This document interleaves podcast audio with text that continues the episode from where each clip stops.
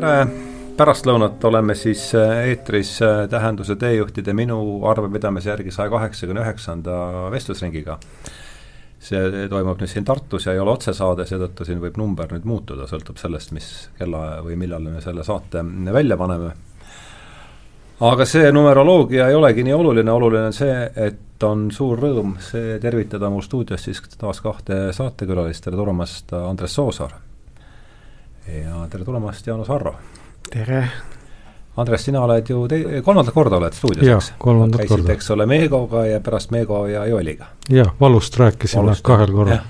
ja esimese saate nimi, see oli kolmas saade üldse, sa oled üks kõige esimesi saatekülalisi, nüüd tuleb mul. pioneeride hulgas. jah, valu mõte oli kolmas saade, kus sa siis olid äh, Meego Remmeliga ja Jaanus, sina oled esimest korda, eks ole, saates? jaa, seda küll aga, aga tänase kokkusaamise niisuguseks lähtepunktiks ongi Jaanuse lehelugu, meie lehe siis, kas oli kahekümne viies number, jah?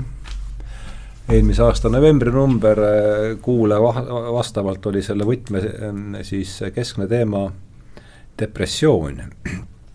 ja Jaanuse väga sisukas lugu depressiooni tähendusest neurobioloogi, bioloogi pilguga ja mõtlesin, et ma võtaks selle loo siis, äh, et ühesõnaga juttu tuleb depressioonist, on see äh, laias laastus see ja selle, sellega siis hakkama saamise võimalustest. ja, ja eriti, mis mind selles, ütleme see, see küsimus, aitäh, see küsimus, mis mind selles loos kõige rohkem köitis ja mis andis nüüd vahetu tõuke selle, üldse selle vestluse, äh, selle vestluse kokku, siis vestluse siis äh, initsieerimiseks või, või, või korraldamiseks äh, on see päris selle ves-, päris siis selle, selle loo lõpust, et ma olen konteksti mõttes loen siit, loen siit siis paar lauset lõpust ette, et neurobioloogilised teed depressiivsuse ümber on inimeseti mitmekesised. sadade depressioonikeenide võimalikud pro-, produktid, nii et igaüks meist käib ringi peas mitmeid musta sapi piisku. kui palju neid just on ja milliseid voolusänge nad suudavad ühinemisel uuristada, selle hindamine ja tagantjärg- ja tagajärgede ravimine on professionaalide suur kunst, kuid vastutust musta sapi kogunemise eest ei saa kelleltki endalt täiesti ära võtta. muidu läheb see kunst vett vedama. kuidas kultuur saaks aidata, väärib arutamist et just see küsimus, et kuidas kultuur, et, et äh, loomulikult, kuivõrd täna saates on kaks meedikut, siis me ei saa, ei, saa üle ega ümber depressiooni siis kas neurobioloogilistest või meditsiinilistest aspektidest, aga mind tegelikult siis äh, saatejuhina huvitab tegelikult rohkem ikkagi see depressiooni laiem kultuuriline äh, ühiskondlik, kultuuriline taust, et, et ega ei teagi, kust pihta hakata, et ma arvan, et esimene küsimus võikski olla niimoodi, et äh, ahaa, vaata esimene lause ka väga hea, depressioonil on meditsiinis määratletud ruum.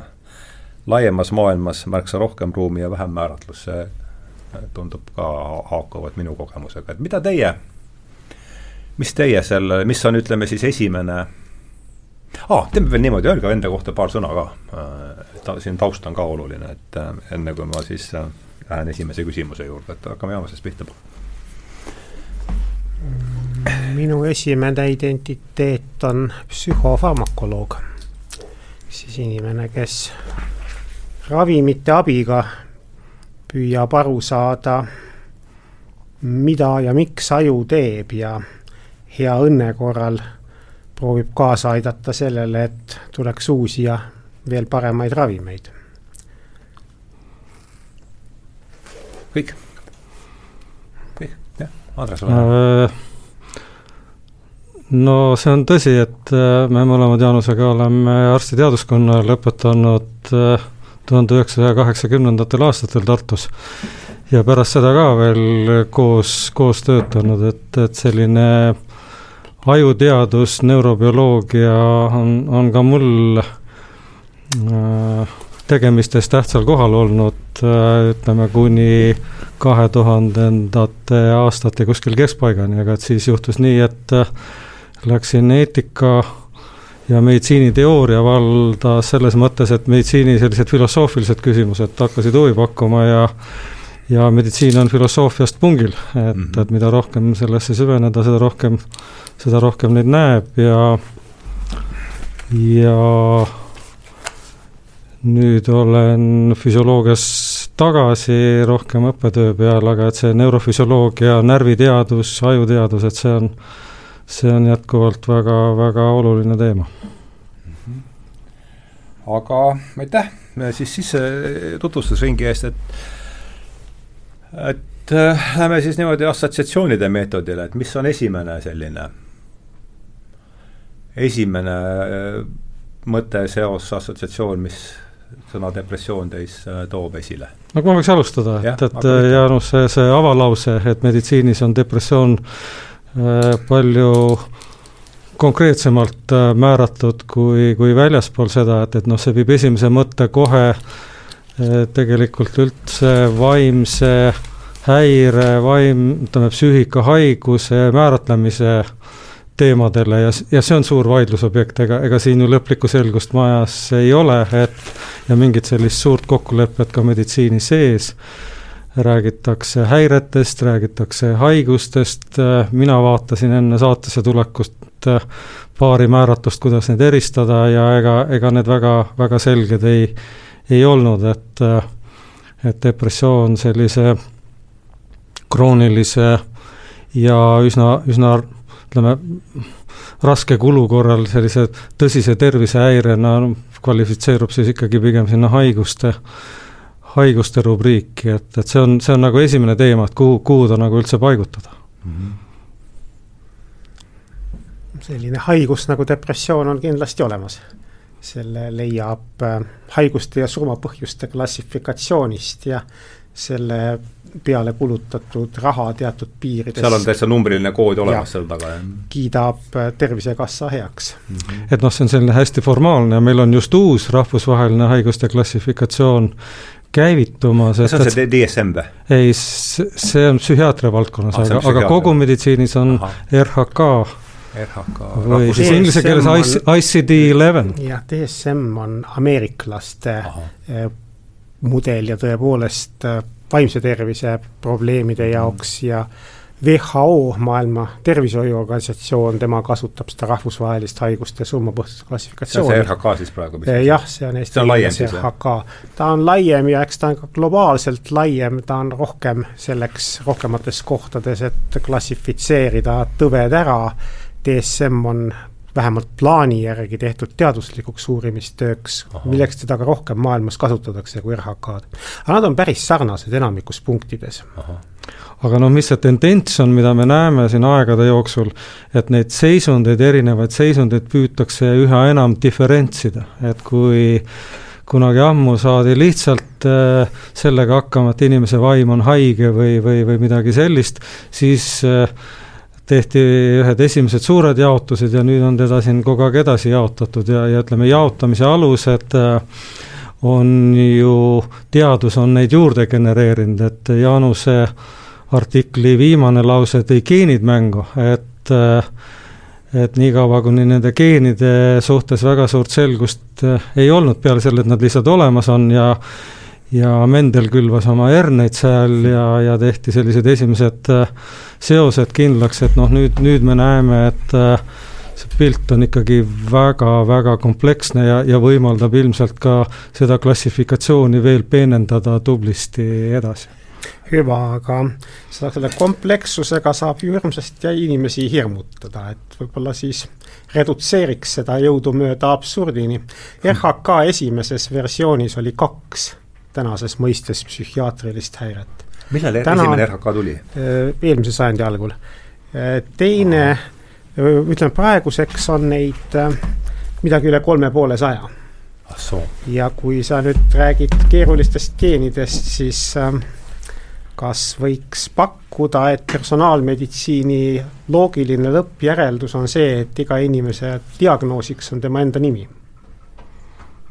jah, see no see kuidagi see, mina, mulle haakub see mingi natuke sellise protestantismi ja reformatsiooniga, seal on samamoodi läks äh, usulahkude paljusus ja, ja see osa sellisest üleüldisest pihustumisest tundub olevat siin see üleüldisest äh, kui vaadata sinna allapoole, et see mingi niisuguse killustumise no. mingi niisugune sümptom. no siin on üks oluline aspekt, et et geenid, nende see jäme struktuur on meil kaasa pandud, ütleme, ütleme elu jooksul need mutatsioonid ja asjad, neid võib küll juhtuda, aga, aga et geen on meile vanemad, geenid on meile vanemate poolt suures osas kaasa, kaasa pandud, aga et noh, vaimsete häiretega nüüd ongi see küsimus, kas need ikka kõik taanduvad äh, geenide poolt determineeritud äh, äh,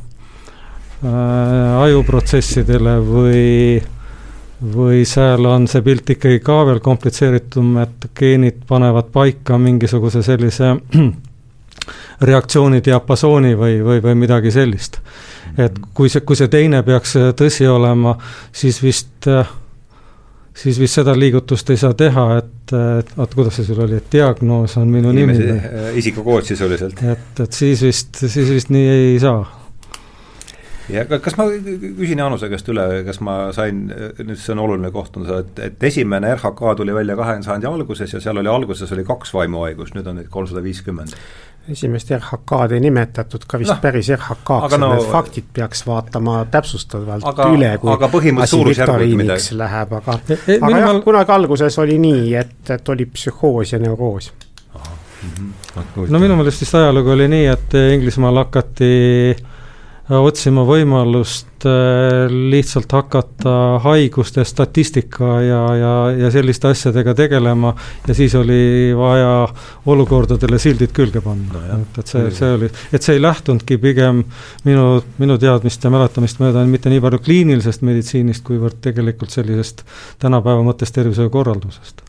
mis ta praegu teistmoodi on? seda koodi on kõige rohkem selleks vaja, et, et Haigekassale saata paber mm. -hmm rahastamise küsimus põhimõtteliselt. jaa, ravimid ja kõik, kõik see, mis kõik sellest tuleneb. kliiniline meditsiin, täpsustame siis mõistet minusugusele ka, et see on siis see, mis toimub haiglate seinte vahel või no see, mis toimub arsti ja patsiendi vahel. arsti ja patsiendi vahel, jah mm. -hmm. Mm -hmm. aga et noh, võib-olla veel konteksti loomiseks, et äh, et siin on ikkagi teaduse enda arengulugu ja progress on ikkagi väga suur tegija olnud, et äh, geenid äh, tänapäevasel moel äh, vaimuhaiguste ja vaimsete häirete seletusse on jõudnud ikka üsna hiljuti, et, et see on, see on terve pika, pika arenguloo läbi teinud, alates sellest, et äh, et noh, miskid ajupiirkonnad on ühes või teises asjas äh, rohkem süüdi, siis on ju olnud selline äh, suur neurokeemia ajajärk, mis ei ole ka veel lõpetatud praegu, mis on, mis on veel käimas, need, need keemilised protsessid, mis kõik närvisüsteemis toimuvad, need elektrilised nähtused, mis seal aset leiavad, et et meil on ikkagi äh, aju toimimisest ettekujutus on ikkagi sellisest tervikpildist, mulle tundub ikkagi ka veel äh, üsna kaugel, et, et ma ei tea, Jaanus, sa oled selles vallas tegevteadlane teaduse eesliinil, et sa oskad ehk seisu paremini hinnata? seis on muutlik, et ähm, võttes optimistlikust vaatenurgast äh, Mefistofelese sõnadega, et ei kõike tea, kuid üsna palju küll.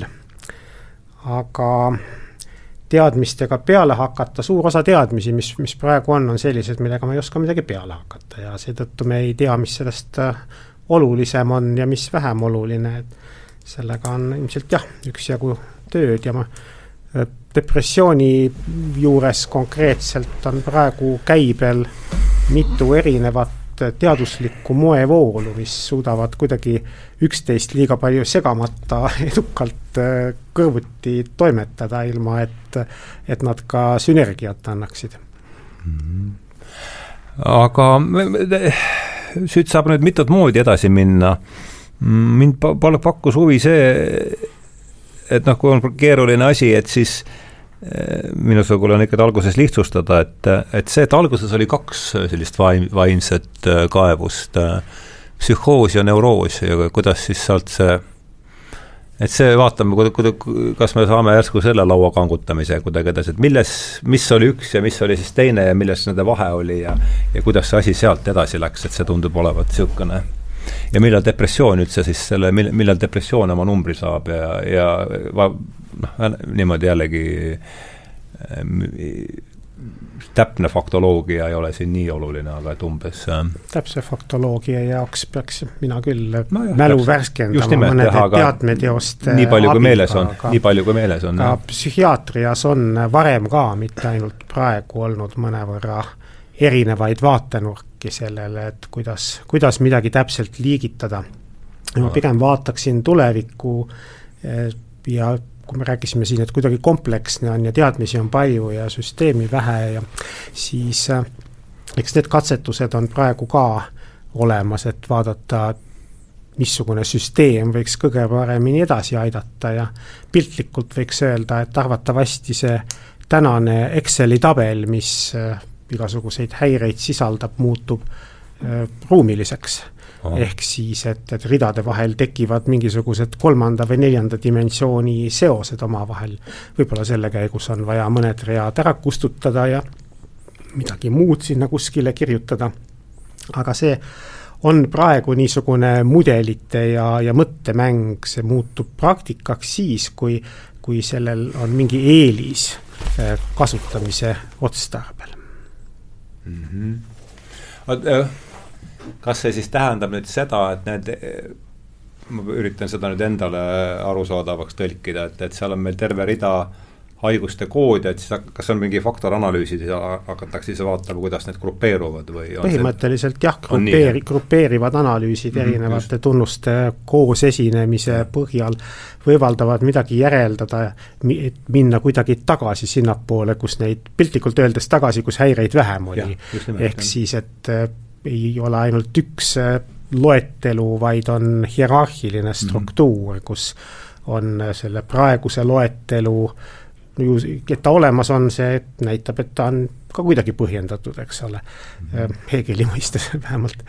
Aga et kuidas ta siis, kuidas me enne ilma läbi saime ja, ja mis selle tagant oleks võimalik leida ühisosasid ja teisi eristustasemeid, mitu taset isegi võiks olla, seda ma kardan, et ma ei tahaks seda praegu pakkuda omalt poolt välja, et eks neid mudeleid on mitmesuguseid, aga kus on see võimalik nad kokku lugeda, aga, aga meil on ilmselt veel teadmisi vaja. no et saatejuhi elu veel keerulisemaks teha, et äh, mind on alati tegelikult huvitanud äh, vaimse põhistruktuur, et kui me võtame inimese vaimu, et et mis on, mis on selle nagu põhilised struktuursed komponendid. noh, ja sealt muidugi tuleb ka kohe see välja, millised on seosed, seesama, mida Jaanus mainis, äkki on seal hierarhilised seosed või on seal võrdväärsed alad, noh et see psühholoogia klassika ju ütleb seda, et vaimus noh, kõigepealt on see teadvuse teema, et, et osa siis see osa psüühikast on meile teadvuse vahendusel nagu paremini hoomatav ja üks osa teadvusest või, või sellest psüühikast tundub, et on kuskil noh, mitte väga hästi tead-, teadvuses, et see kuskil teadvuse all või teadvuse taga või, või ma ei tea kus. et noh, see kõik see Freudi selline nagu joon seal ja noh, psühholoogias ju minu arust selline klassikaline jaotus on, et et hinges on äh, tajud äh, emotsioonid ja siis intellekt, mõtlemine, et noh, need, need on need kolm sellist hästi Tajud, suurt emotsioonid ja intellekt. hästi, hästi suurt äh, sellist areaali. see on nüüd vaimu põhi kolm komponenti. no see on selline väga klassikaline lähenemine, minu meelest see on selline õpiku, õpiku lähenemine lausa ja, ja noh, siis sinna veel haagitakse juurde mälu ja, ja tähelepanu ja, ja seal on veel psüühilisi protsesse, mis, mis nagu ütleme, hoiavad äh, psüühikat toimimas. ütle palun, need ajuemotsioonid ja no mõtlemine, ütleme intellekt, et äh, noh, ja siis otsitakse vahevorme, et, et intellekt võib ka emotsioonides olla või, või, või ka meeltes, et emotsionaalne intelligentsus ja kõiksugused sellised mõisted on kasutusel, et et noh, kui selles mõttes äh, depressiooni nagu platseerida, noh siis äh, ta, ta, ta tugevasti mõjutab emotsionaalset sfääri ja, ja ütleme, ilmselt ka mõtlemist, aga, aga et äh, meelte koha pealt võib-olla see mõju ei ole, ei ole nii selline tugev ja robustne, et meeled jäävad ikkagi üldiselt ena, enam-vähem samamoodi tööle, kui täpsemalt uurima hakata, noh siis hakkab äh, siis hakkab muidugi igasuguseid mõjusid selguma. Ja noh, milles tagasi meie ühte varasemasse saatesse, see hingevalu, millest mm -hmm. siin tookord palju juttu oli, Meego seda positsiooni esitas, et et noh, seal on ilmselt depressiooniga on, on nagu ka see, ka see seos olemas, aga et, et, et minu jaoks, kui ma püüaksin väga lihtsustada, depressioon, ma võtaks, hakkaks sellest sõnast kinni, et see on tee ja, ja, ja pressioon yeah., et see on mingisuguse sellise äh, põhinivoo või, või põhiaktiivsustaseme mingisugune langus või allasurumine äh, ja ütleme, kui ma nüüd psüühika komponente vaatan, siis mulle tundub, et tahe saab seal väga kõvasti pihta, et, et depressiooni puhul inimeste tahe on, on kuidagi väga, väga kõvasti pihta saanud. aga ta, aga, aga tahe omakorda noh, viib meid uutesse hädadesse, et seal tuleb see vaba tahe mängu ja siis kõik see, kõik see keha ja vaimu äh, seose no niimoodi lahti seletamine ja, ja, ja mõistmine, nii et, nii et see tegelikult asetub nagu sellisesse hästi keerulisse äh, sellisesse mõiste, mõistekompleksi äh, ja, ja, ja noh, ütleme, toob mängu no need hästi fundamentaalsed küsimused, et mhm, kus, kus on tõesti koolkond ja arusaam ja on üpris erinev tuli meelde see, et tahe saab pihta, Charles, on Charles, Bukovski eesnimi on Charles ikka, eks? kui mulle tema, jah, Charles Charles Bukovski on öeldud, et hambapesu nagu sõtta minek on depressiooni haige jaoks ja mina olen selle äh, teemaga puutunud kokku pikalt, et ma julgen seda kinnitada, et just täpselt nii see, nii see, nii see on. depressiooni puhul aju ainevahetuslik aktiivsus on vähenenud, mis tähendab seda, et koond, koondnumbrina närvirakkude talitlus on, on vähenenud aga ometi on nii, et mingisugused närviaktiivsused on ilmselgelt liiga aktiivsed Aha. depressiooni puhul ja võib ka näha sedasama ainevahetuse aktiivsuse korreleerumist niisuguste asjadega. ehk siis kokkuvõttes vist on nii, et, et kõik need ajutalitluse võrgustikud on ümber korraldunud. depressiooni ajal, jah? et mingid närviringid on siis äh, aktiivsemad, ma saan aru. ja see käib ilmselt ka üleüldiselt kõikide ajuhaiguste või, või psüühikahäirete kohta ja siis nüüd see ühisosa otsimine, millest ma enne proovisin rääkida ruumilise Exceli mhm. tabeli metafoori kaudu, on selle ülesleidmine, et, et kus on nende võrgustike talitluse ümberkorralduses ühised osad ja, ja kus on need erinevad osad, mis ikkagi võimaldavad meil neid häireid erinevat moodi defineerida ja, ja, ja öelda, et nad ei ole üks ja seesama häire, mis muutub tähtsaks siis, kui me neid ravima hakkame ja selgub, et ühe puhul on vaja ühte ravi ja teisel puhul on vaja teist ravi, nagu see tihtipeale on. samas mõnede häiretega on ka nii, et nad on klassifikatsioonis päris erinevates perekondades, aga ravi on sama mm. -hmm. nii et see allolev bioloogia on, on mittelineaarselt äh, eristav. ma pidasin just hiljuti ühte loengut ülikoolis, enne mida ma sirvisin ühte peavoolu psühholoogia õpikut ja leidsin seal asjasse puutuva peatüki sissejuht-, juhatavas osas väite selle kohta, kuidas kuidas skisofreenia geenid on needsamad, mis bipolaarse häire geenid ja bipolaarse häire geenid on needsamad, mis depressiooni geenid ja nii edasi. mis on väide, mis tuli käibele kunagi aastat viisteist tagasi molekulaargeneetika alguse peale, kus tõsimeelsed geneetikud ütlesidki, et meie näeme täpselt seda, et skisofreenia ja bipolaarne häire on üks ja seesama asi. mida nad ilmselgelt ei ole, mis mm, -hmm. kui, mis vajavad erinevat ravi. nii et äh, see lihtsalt näitab, et üks samm tõe poole võib meid mõnikord tõest kaugemale viia mm. -hmm. no see on võib-olla jah, kui laiemasse sellise teaduse konteksti püüda seda mõtet viia, et see on äh, meetodi sobivus ja, ja selline tõendamisjõud, et, et sellega võib sageli viltu minna, et, et äh, meetodiga minnakse uurima asja, mis äh, mille jaoks ta kõige paremini ei sobi, et, et siin, siin võib olla mingisugune samasugune teema. no me ei tea ju, et kui me tegeleme tõepoolest uue teadmise loomisega, siis meil tagantjärele tarkust ei ole. nii et äh, eksimine on üks selline mitte ainult, et lubatav, vaid lausa kohustuslik element teaduslikus uurimistöös, et selle koha pealt on teadlase ja sapööri töö põhimõtteliselt vastupidised mm. -hmm, jah uh,. käis siit läbi Andrase jutust see, et need, ma täpselt nüüd konteksti ei mäleta, aga aga, aga see sõnapaar, et see viib meid, no eks ta nii on, ma jällegi ka oma kogemusest ja ja nagu ma ütlesin, mul on depressiooniga olnud pikk äh, kogemus. Äh, ja, ja eks ta on, et kui sügavale kaevata, siis noh, nagu ütles kunagi mu kunagi mu äh, kolleeg pangast, et kui ka, kui kaevad piisavalt sügavale, leiad igal juhul naftat.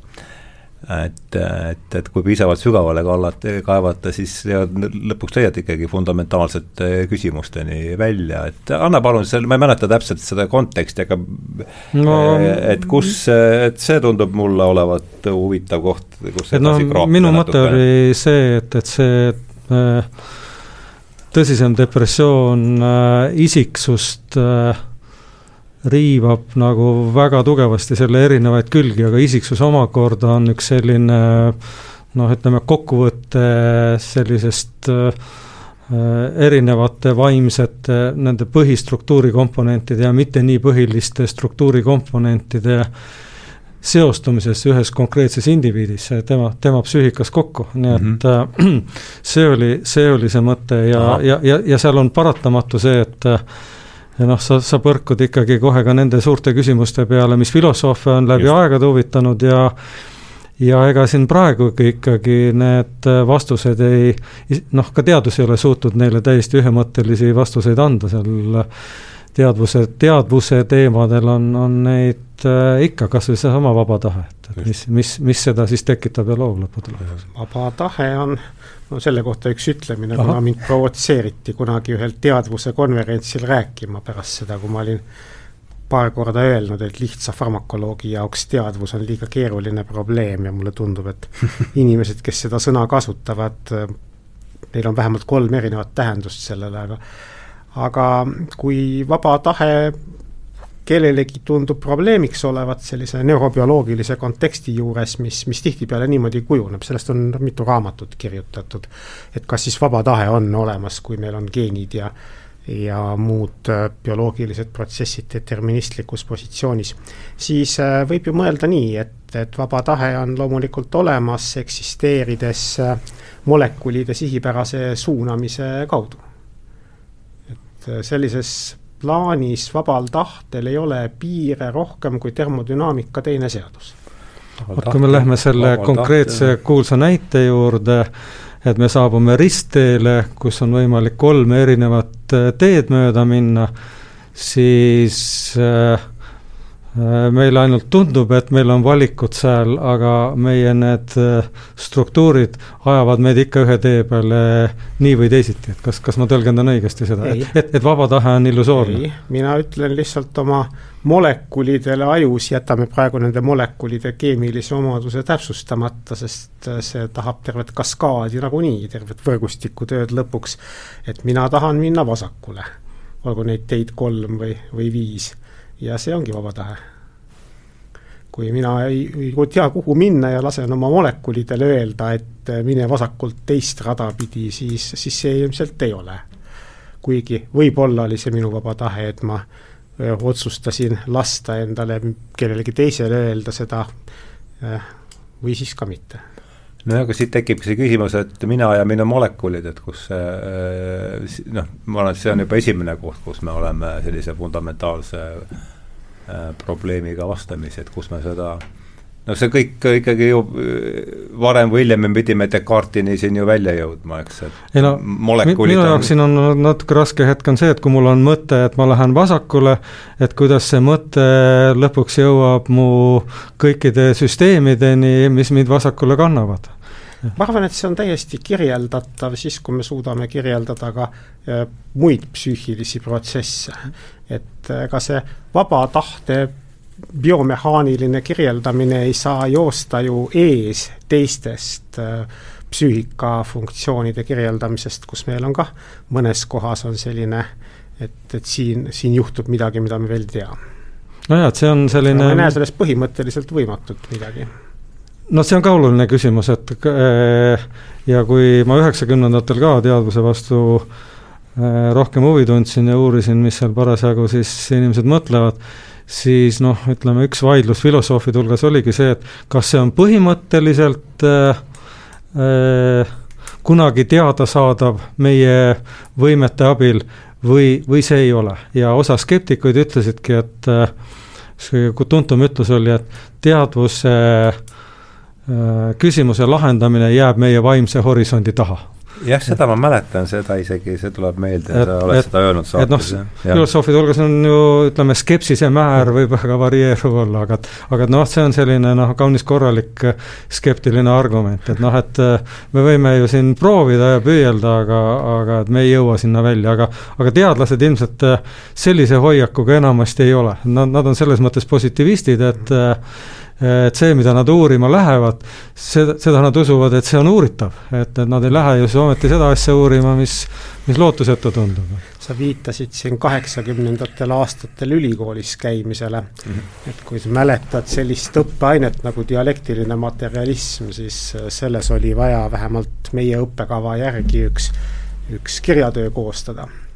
ja ma tuletan seda sellepärast meelde, et, et mul äh, et teise kursuse üliõpilasena ma jõudsin samale järeldusele nagu, nagu mõned, keda sa tsiteerisid, et ei ole võimalik äh, seda teaduse meetoditega teada saada, mul oli, teadmised olid muidugi erakordselt napid endal selle kirjutamise juures, aga ma ei tahtnud ka lihtsalt äh, mingit õpikut ümber kirjutada ja siis ma lugesin, mis kätte sai, nii kui palju aega oli ja Uznatse käsitluste põhjal mingisuguse peegelduse teooria sinna esitasin, millega ma sain vähemalt arvestatud, selle õppeaine küll.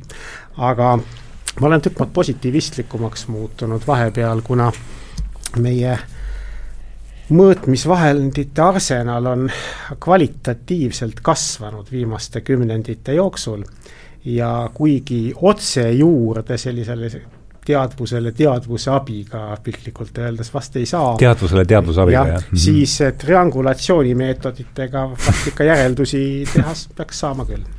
mina usun, et see on tehtav, aga ma ei tea, kuidas äh, no mina kuulun ka selles mõttes lootusrikaste hulka, et ma arvan, et äh, see on inimese mõistusele jõukohane selgeks teha, mida, mida tema teadvus endast kujutab. Mm. sellisel mm. objektiivsemal moel, et noh, vot siin tuleb jälle seesama, see esimese isiku perspektiiv ja kolmanda isiku perspektiiv, et et meile igalühele meie enda teadvus on ju nii vahetult antud ja mm, -hmm. ja kellelgi teisel sinna ju samasugusel moel pääsu ei ole. ainult analoogmeetodiga. no käitumisega, et, et sa saad nagu käitumise üle või abil otsustada, et mis seal, mis seal teadvuses võib olla, aga paljudel juhtudel see läheb täppi, aga, aga päris kindel ei saa kunagi olla.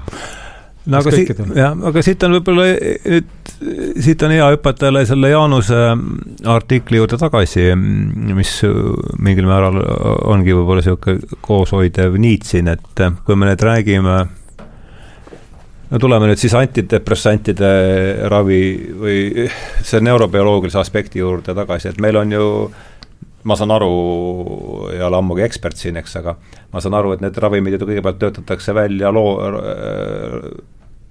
rottide peal valdavalt, eks, et äh, see käib mööda spiraali. Selles mõttes, et, et sul on, kust see hüpotees täpselt tuleb, sealt äh, nende meetodite juurest saab asi alguse ja siis ta läheb mingisugust loogilist rada pidi teistsuguste meetodite juurde. et äh, nii-öelda kõigepealt rottide peal tähendab seda, et, et sul peab kõigepealt olema juba mingisugune ravimi prototüübi mm -hmm idee vähemalt ja. olemas. mida ta pakkuda üldse. teada, mida ta teeb, muidu ei ole teda mõtet rotile Just. panda, sellepärast et äh, rott ja inimene on ikka päris erinevad elukad mm.. aga samas nad on sama evolutsiooniredelit pidi roninud ja neil on nii palju bioloogilisi baasfunktsioone sarnased, et äh, mingi hea idee olemasolu puhul saab, saab katseloomade abiga väga palju ära teha, mida muidu peaks inimeste peal hea õnne peale katsetama. kui mm. depressiooniravimitest rääkida, siis siis esimesed depressiooniravimid said oma esimese idee vaatlustest äh, inimeste peal siiski. ja sealt edasi nende äh, arendamine ohutumate ja efektiivsemate ravimite suunas, see on tõepoolest käinud siis läbi loomkatsemudelite. kas esimene oli, oli liitium mingi sinna kanti läheb? liitium on äh, tõepoolest depressiooni episoode en-, ennetav vahend, aga ta on rohkem bipolaarse häire ehk siis selliste maniakaalsete hoogudega kulgevate seisundite ravim. aga esimesed antidepressandid noh, nüüd kas me räägime tänapäevase meditsiini mõttes või meditsiini ajaloo mõttes, et meditsiini ajaloo mõttes tõenäoliselt esimeste antidepressantide seas peaks nimetama oopiumi mm. -hmm. ja, ja opiaate, opioide.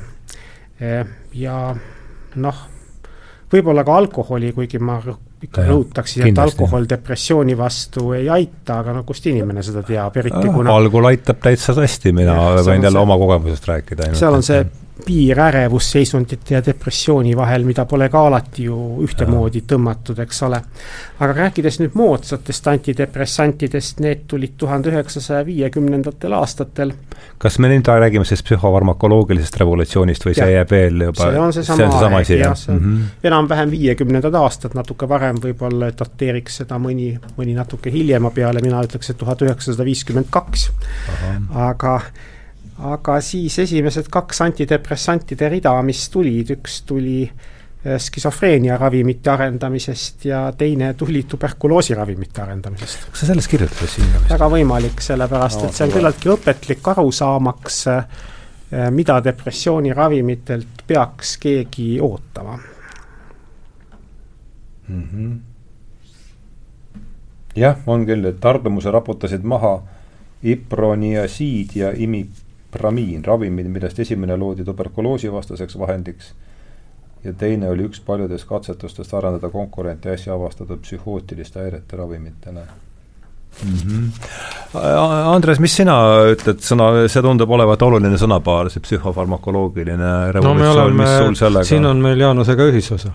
ahah, aga et no, äh, me oleme samas laboris äh, mõnda aega töötanud ja ja me oleme samast koolkonnast, et äh, et noh, see oli ikkagi selline suur murrang mitmes suunas tegelikult. seesama psühhofarmakoloogiline et pole, pole vähematki kahtlust, et, et tal on äh, ikkagi väga võimas terapeutiline selline noh, tagajärg või areng olnud, et psühhiaatriahaigladki on hoopis teistsuguseks muutunud selle tulemusena aga samavõrd oluline on noh, seesama teema, mida me enne arutasime, et, et see, see on andnud ka võimaluse ajutalitlust ja, ja ajus toimuvat ja aju ja vaimse seost ja, ja kõike seda on, on äh, või noh, viinud ikkagi hoopis teistsugusele tasemele, kui, kui see enne seda oli. et, et see on, see on kindlasti olnud murrang äh, no väga, väga mitmetes suundades. et, et pole, pole kahtlustki, et et see muutis, muutis palju. mis juhtus tuhat üheksasada viiskümmend kaks, tuletame selle ka veel meelde. tuhat üheksasada viiskümmend kaks äh, katsetasid Pierre Del-, äh, Deniker ja, ja Jean Delay Pariisis Saint-Anne'i haiglas kloorpromasiini äh, skisofreenia haigetel uh. -huh. ja nägid sellist terapeutilist efekti, mida ühegi muu ravimeetodiga ei kas oli skisofreenia? see oli skisofreenia mm -hmm. haigete ravi, jah. aga see oli kvalitatiivne samm selles mõttes edasi, et et üldse mõelda, et ravimitel võiks olla spetsiifiline toime vaimuhaiguste puhul, mitte lihtsalt vaigistav, mitte mingi keemiline hullusärk või mm, -hmm. või ajutine rahustav tegur, vaid see, mis muudab kvalitatiivselt spetsiifilist psühhiaatrilist äh, pilti ja see oli võrdlemisi ootamatu, sest äh, et, et ta nüüd niisugusel kujul tuleb, sest tõesti psühhiaatria käsitlused suuresti psühhodünaamilised, suuresti interpreteerivad elusündmuste tagajärgi sel ajal, ei näinud ilmselt äh, väga loogilisena, et mingi lihtne keemiline ühend võiks isegi kui uskuda, et psüühika tuleb ajust, nagu psühhiaater ilmselt usub, et, et ta võiks ajutalitlust niimoodi saada ümber kujundada piisavalt spetsiifilisel viisil. et kaks aastat varem, tuhat üheksasada viiskümmend oli Pariisis ülemaailmne psühhiaatrite kongress. Jean Delay oli üks kõige mõjukamaid psühhiaatreid ilmselt sel ajal, tema selle kongressi avas peoperemehena ja tema avakõnes äh, olevat olnud äh, küll rõhuasetus bioloogilise psühhiaatria arendamise vajalikkusele, aga kuidas bioloogilise? jah mm, -hmm. sest selline psühhiaatria just väga ajubioloogiale tähelepanu ja. ei pööranud, kuna sajandi alguspoole Kräpelin ja, ja teised olid otsinud, aga ei olnud piisavalt leidnud, et entusiasmi alal hoida mm. -hmm. kui välja arvata Alžeimeri tõbi, mis ei olnud psühhiaatria aktuaalne teema, kas või juba selle tõttu, et inimesed enamasti nii vanaks ei elanud ja ja kus ei olnud ka väga midagi ravida. Ja siis äh, Dele ei rääkinud ravimitest väidetavasti selles. Äh, kuidas seda kirjutatakse, seda nimi? D-E-L-A-Y mm. -hmm. nii, vabandust, ma saan. jah, jah, jõudsingi selle mõttekäiguga ah, sinna kohta välja, et, et eks need ravimid tulid mõnevõrra ootamatult, sest äh, ei olnud äh, ühtegi prototüüpi, ei olnud ühtegi ideed ah,, kust kaudu hakata tegema skisofreenia ravimit mm. -hmm. no kust sa hakkad sellist asja tegema, sul on patsiendid, kelle haiguse pildi kirjeldamine on omaette romaan või novell või luuletus. ja siis sa tahad mingisuguse olemasoleva lihtsa keemiaga sellesse sekkuda mm. -hmm.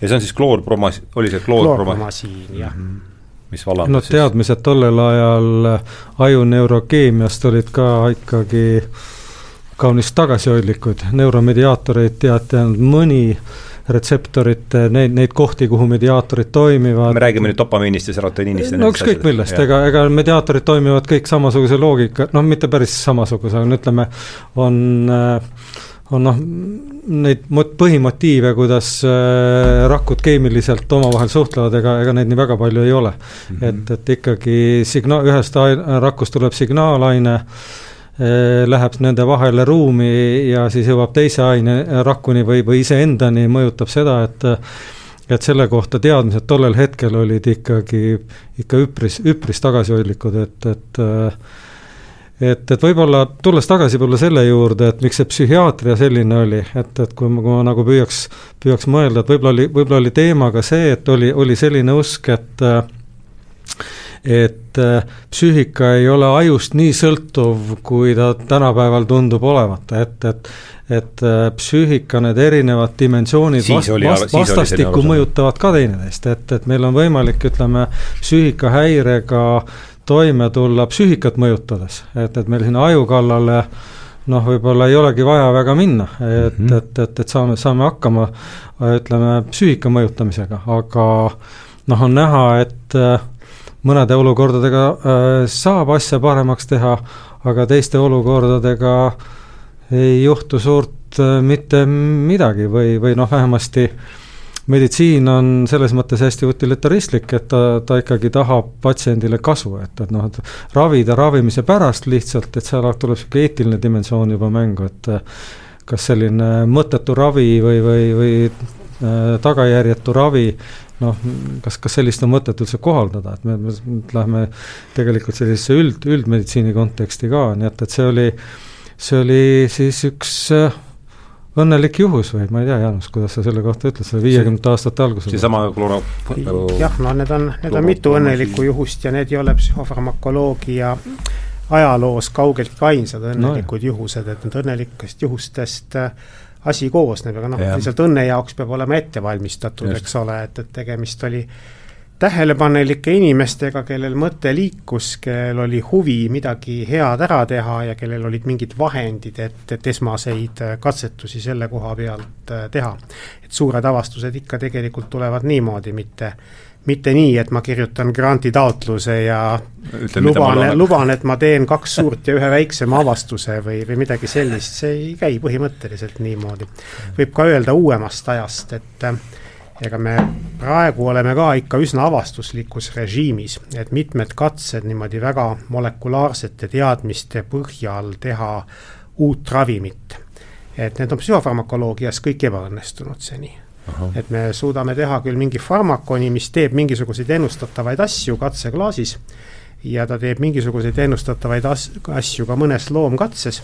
see on nüüd see koht, kus juhtub üks teema, mida ma just täna hommikul oma Frankfurdi ülikoolis töötava kolleegiga arutasin, et siis teevad mõned teadlased niimoodi, et, et saada ikkagi ilusad tulemused, nad võtavad mingi teise mudeli, mitte selle, millesse nad usuvad, vaid selle, millest saab tulemused. Mis on statistiliselt usaldusväärseid erinevusi või seoseid näitavad. ja siis see kõlab väga teaduslikult ja siis saab veel raha ja siis saab seda uurimistööd edasi teha, aga ravimeid ei tule. Neid, mis kliinikus pärast aitaksid ka, et see on nüüd see koht, kus praktika on tõe kriteerium, et et sul on vaja lõpuks näidata kliinilist efektiivsust ja seda niisugused hüpoteesid ei ole meile seni andnud, et me uusi ravimeid saame küll. nii hull ei ole, nagu vahel räägitakse, et uusi ravimeid ei tule psühhiaatrias. tuleb ikka, aga nad tulevad suuresti seniste prototüüpide edasiarenduse kaudu no vot, farmakoloogias on ja farmakoloogil on paar sellist äh, sellist asja, mis teda nagu igikestvalt huvitavad, et noh, üks on see toime muidugi, mida aine teeb, aga kindlasti huvitab teda ka, kuidas ta seda teeb, kuhu ta toimib äh, ja, ja see lõik, see niinimetatud farmakodünaamika lõik on just see, mis, mis avardab äh, teadmisi selle kohta, selle, selle ründepunkti või, või toimepunkti kohta ka, et, et, et see farmakoloogial selles mõttes on selline noh, ühelt poolt selline meditsiini äh, tõhusust parandav selline väljund, aga, aga tal on ka üldist teadmist äh, laiendav, laiendav mõju ja no ütleme, füsioloogia alale tulles, kus, kus ma olen rohkem tegev olnud, et äh, erinevate ravimite abil äh, on võimalik ka modifitseerida, korga-, korrigeerida organismi funktsioone ja, ja, ja sellisel juhitaval viisil ja ja noh, seeläbi vaadata ka, et, et äh, kuidas, kuidas see süsteem ise funktsioneerib, et, et, et see on, see on jah, tegelikult üks selline päris, päris keeruline, keeruline selline noh, teaduslooline kooslus ka kõik kokku mm. -hmm. ja siit käis läbi jällegi, mina, ma olen ju täielik noviit sellel alal, peale nii, nii palju kui ainult isiklik kogemus depressiooniga, aga et millal äh, saan aru, et tuhat üheksasaja viiskümmend, viienda aasta alguses oli see arusaam aju toimimisest, see serotoni võrgatsainete, kogu see asi oli ka kaunikesti kesine veel, et millal seal sellised suure, kus te sinna paneksite sellised suuremad, et mingigi ettekujutus luua? no vist kuuekümnendatel hakkavad asjad juhtuma. ega psühhofarmakoloogiline revolutsioon stimuleeriski oluliselt Aha. neurokeemiliste teadmiste edasiarengut, meetodite arendamist, keemiliste mõõtmisvahendite Eh, täiustamist, et see viiekümnendatel juba, juba toimus, aga see sai kindlasti suure kiirenduse, sest lõppude lõpuks tõepoolest on teadusliku töö jaoks raha vaja, raha saab mingi kauba müümisest. Just. ja see, kui ravimid eh, hakkasid tulema, siis see võimaldas ravimifirmadel teha investeeringuid, see võima-, kuna on näha, et kui kuskilt midagi tuleb, siis sellele taimele pannakse väetist juurde ka riigi poolt, igasuguste äh, erafondide poolt, mis otseselt kasumit ei taotle ja see lükkas selle valdkonna tunduvalt kiiremini käima mm. -hmm no võib-olla ainult veel seal on mingid Nobeli auhinnad tõenäoliselt ka eh, seda teemal? neurokeemias ma ei teagi, palju neid on, aga selles mõttes märksa rohkem on neid äh, närvisüsteemi elektriliste protsesside uurimisel, et seal on, seal on elektriline infoülekanne ka ja, ja seal ütleme, noh, arengulugu on, et, et ütleme, kolmekümnendate lõpus, neljakümnendatel kui suudeti kasutusele võtta sellised elektroodid, mida sai neuroni sisse pista, õnnestus hakata mõõtma membraani elektriliste muutus, elektriliste, elektrilisi protsesse, membraani potentsiaali ja tekivad, te-, hakatakse kaardistama ka no ütleme, päris reaalselt äh, neid elektrilisi protsesse ja sündmusi, mis, mis närvisüsteemis aset leiavad, et mm -hmm. et mhm. tegelikult närvisüsteemi toime tervikuna on, on üks komplekt keemilistest ja, ja, ja füüsikalistest protsessidest, elektrilistest iseäranis. nii et, nii et see, ütleme, see kahekümnenda sajandi keskpaik selles mõttes on, on tõepoolest ülimalt murranguline, et, et äh, aju äh, ajutalitluse, ütleme, baasprotsessidest hakkas mingisugune ettekujutus tekkima, pluss siis ju sajandi lõppu kõik need visualiseerimistehnikad, kus sai sajandi lõpp, sa räägid nüüd kahekümnenda sajandi lõpp? kahekümnenda sajandi lõpp, jah. et noh, et sai hakata ja, uurima in vivo aju, mis on, mis ajus toimub, et noh, et elektrilist aktiivsust Hans Berger mõõtis seal juba kolmekümnendatel, elektroentsefalograafia hakati registreerima kliinikus ka, et, et, et noh, see oli, see oli selline noh, kuidas öelda, laial frondil minek ja, ja, ja ütleme selles mõttes on, on võib-olla ongi selle tervikpildi kokkupanek ka üsna keeruline, et, et see, see uus teadmine sünnib nii erinevatest valdkondadest, kus, kus oma selline sisemine teaduse loogika on ka väga tugev, et, et seda, seda kõike kokku siduda no võib-olla nõuabki mingeid eraldi, eraldi kompetentsi, et, et neuroteadus on kindlasti üks, ma arvan, üks kõige edukamaid interdistsiplinaarseid alasid, mis, mis, mis üldse on olnud Hardo, sa küsisid Nobeli preemiate kohta.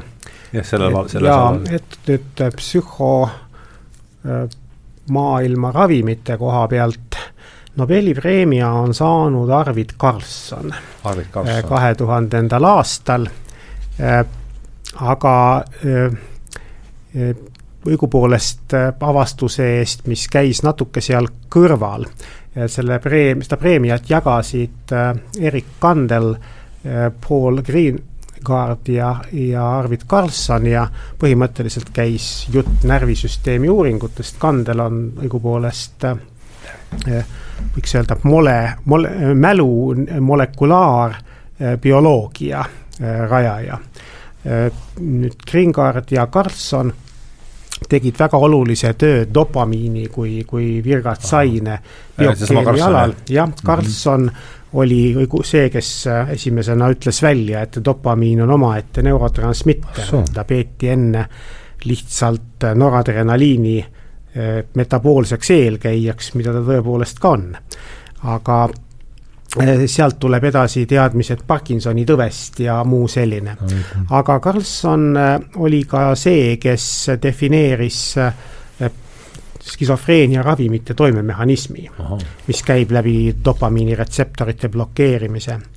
hiljem oli Carlson veel oluline figuur uute antidepressantide loomisel, SSRI rühma ravimite esimese prototüübi tegemisel, millest ei tulnud kliinilises kasutuses kuigi kauaks asja, sest sellega tuli vahel kõrvaltoimeid ette mis hakkasid ravimifirmale tunduma potentsiaalselt äh, ohtlikud.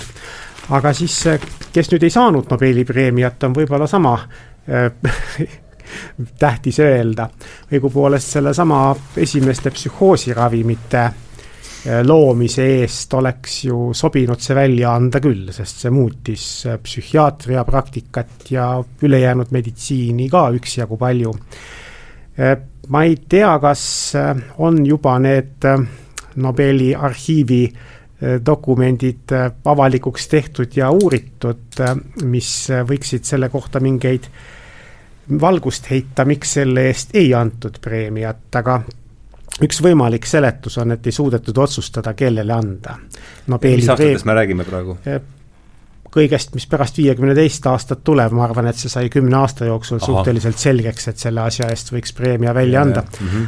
aga et see vist no, ei, ei kuulu veel Nobeli fondi dokumentide avalikustamine või võiks kunagi varsti tulla mm. -hmm. aga seal on mõned informeeritud inimesed on osutanud asjaolule, et Nobeli preemia antakse teatavasti ju maksimaalselt kolmele inimesel mingi, mingi ühe korraga ja et äh, psühhoosiravimite avastamise juures me kõneleksime vähemalt neljast inimesest, kelle Aha. seast peaks valima mm,. selline mm -hmm. jaa, väikse kõrvalepõikena, et ma olen vaadanud sajandi alguse äh, füsioloogia ja meditsiinipreemia Nobeli dokumente äh, mõne, eriti just mõne paari, paari persooniga seoses ja et seal on äh, mõndagi sellist jah, kus, kus paljude arvates väga väärikad kandidaadid ei, ei ole seda, seda mingil põhjusel saanud.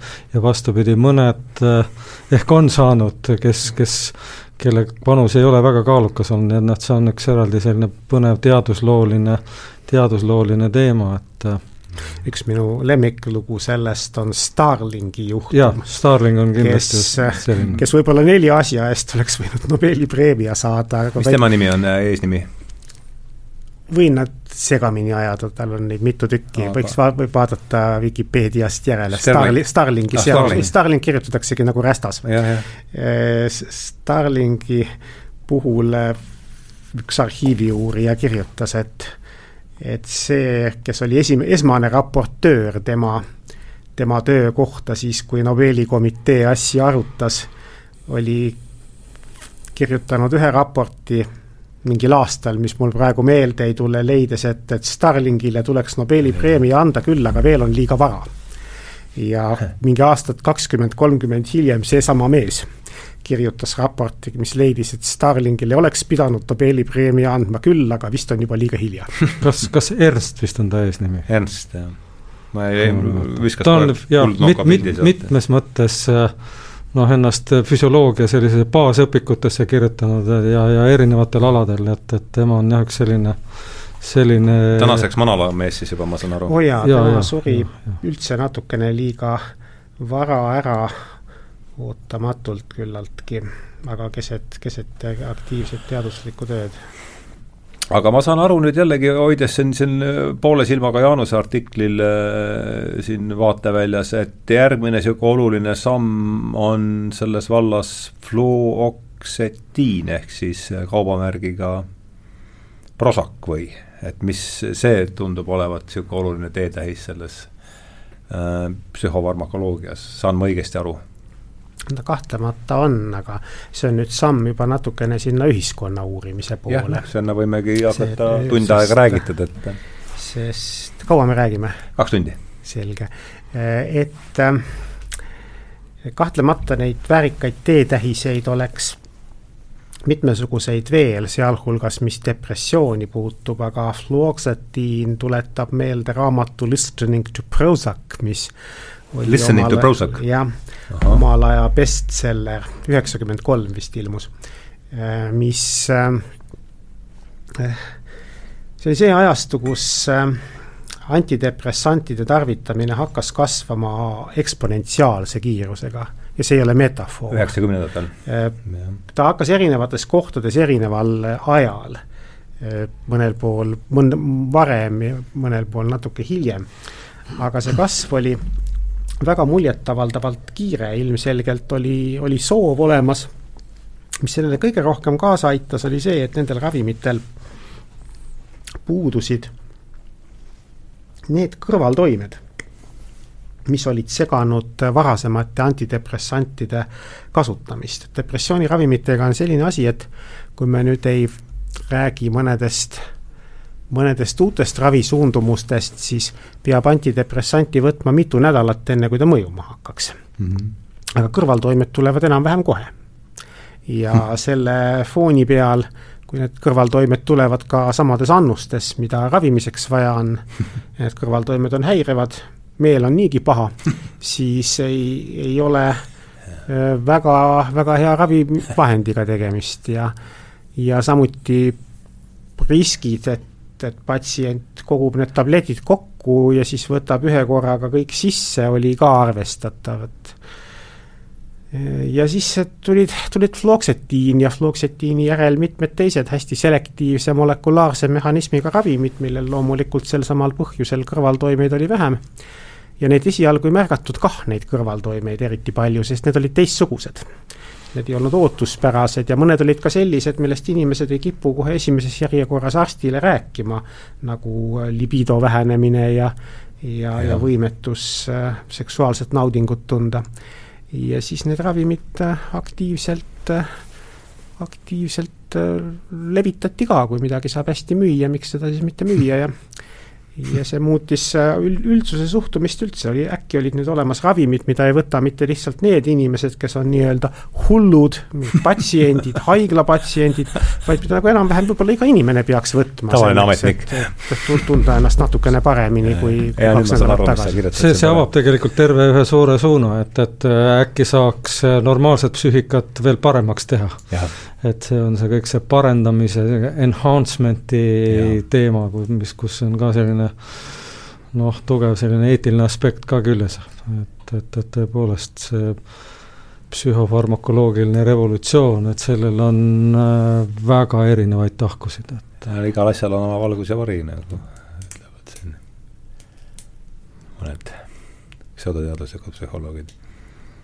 Aga, aga kus, kuidas nüüd omavahel haakuvad, mis see on nüüd see kuramuse, see ravim, mis siin, millest jäädakse korralikku uh jumal, täitsa peaga pühitud äh, salaks. kas see on üks ja sama peenar või on see erinev, kuidas omavahel haakuvad Prozac ja Xanax, mis Xanax on alprasolaam teadusnimega, see on üks bensodiasepiinide hulka kuuluv rahusti. et selles mõttes nad ei haaku, et no, ja et antidepressant ja rahusti on nagu koer ja kass, et Aha. nad äh, mõnikord mõnes peres võivad sõbralikult koos eksisteerida ja sellest on kõigil rõõmu, aga aga üldiselt tuleks neid lahus hoida. ja et äh, rahustitega ei, ei peaks depressiooni ravima, see on see koht, kus nüüd diagnoosi on vahele vaja mm. -hmm. ja tõepoolest, bensodiasepiinidega tekib füüsiline ja psüühiline sõltuvus, mis nüüd eh, nii hirmus ei ole kui opiaatidega ilmselt, sellega on, on võimalik eh, ühiskonnas paremini toime tulla, aga, aga ta on, on põhimõtteliselt teistmoodi kui, kui mõne teise ravimiga, ta ikkagi kuulub sellisesse äh, sõltuvushäire temaatikasse. iseenesest iga ravim, kui teda pikka aega võtta, siis organism harjub temaga ära, see füsioloogiline homostaas hakkab teda identifitseerima osana iseendast. ja siis, kui see ravim äkki ära võtta, siis peabki inimene ennast natuke imelikult tundma mm. -hmm. jaa, aga nüüd me oleme siis siin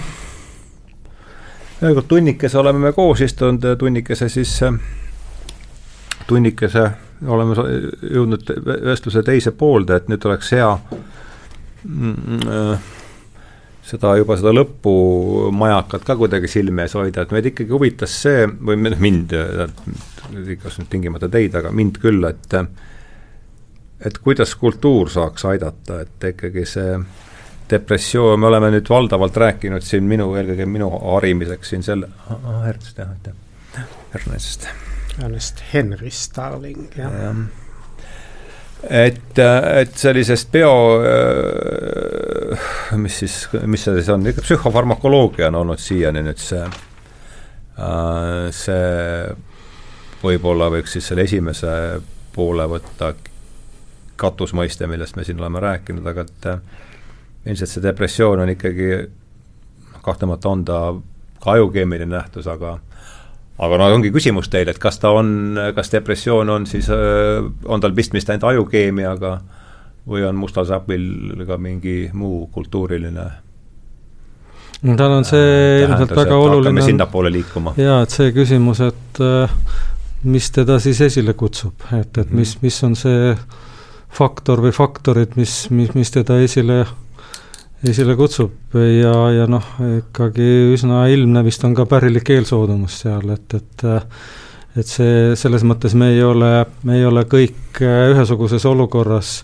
depressiooni jäämise mõttes, et, et mõnedega juhtub see lihtsamini, teistega mitte nii lihtsalt, aga et ma ausalt öeldes ei teagi seda psühhopatoloogia sellist, ütleme, et sellist etioloogilist mehhanismi, aga et äh, ma mõtleks niimoodi, et ehk on see, ehk on see mingi ülekoormuse ilming mm. -hmm. väga, väga konkreetselt defineerimata, et, et inimene on kestvalt äh, sellises olukorras, äh, kus tema tema vaim ei tunne ennast hästi ja, ja siis ühel hetkel äh, midagi juhtub äh, temaga, et, et see aju, noh, ma olen nõus Jaanusega selles mõttes, et see lihtne selline pidurdusmudel, et depressiooni puhul on kõik nagu alla käinud, kõik on, kõik on kuskil mingil madalal tasemel, et küllap, küllap see päris niimoodi ei ole ja teiselt poolt noh, ütleme, jälle me oleme ajuteaduses tagasi, et erutus ja pidurdus on äh, äh, närvisüsteemi talitluses mõlemad nagu väga, väga tähtsad, et, et ega, ega, ega ei saa kummagiga, kum-, ühe, noh, ütleme, ühega neist läbi ei saa. ainult gaasi ja piduri. jaa, et nad, nad peavad mõlemad olema.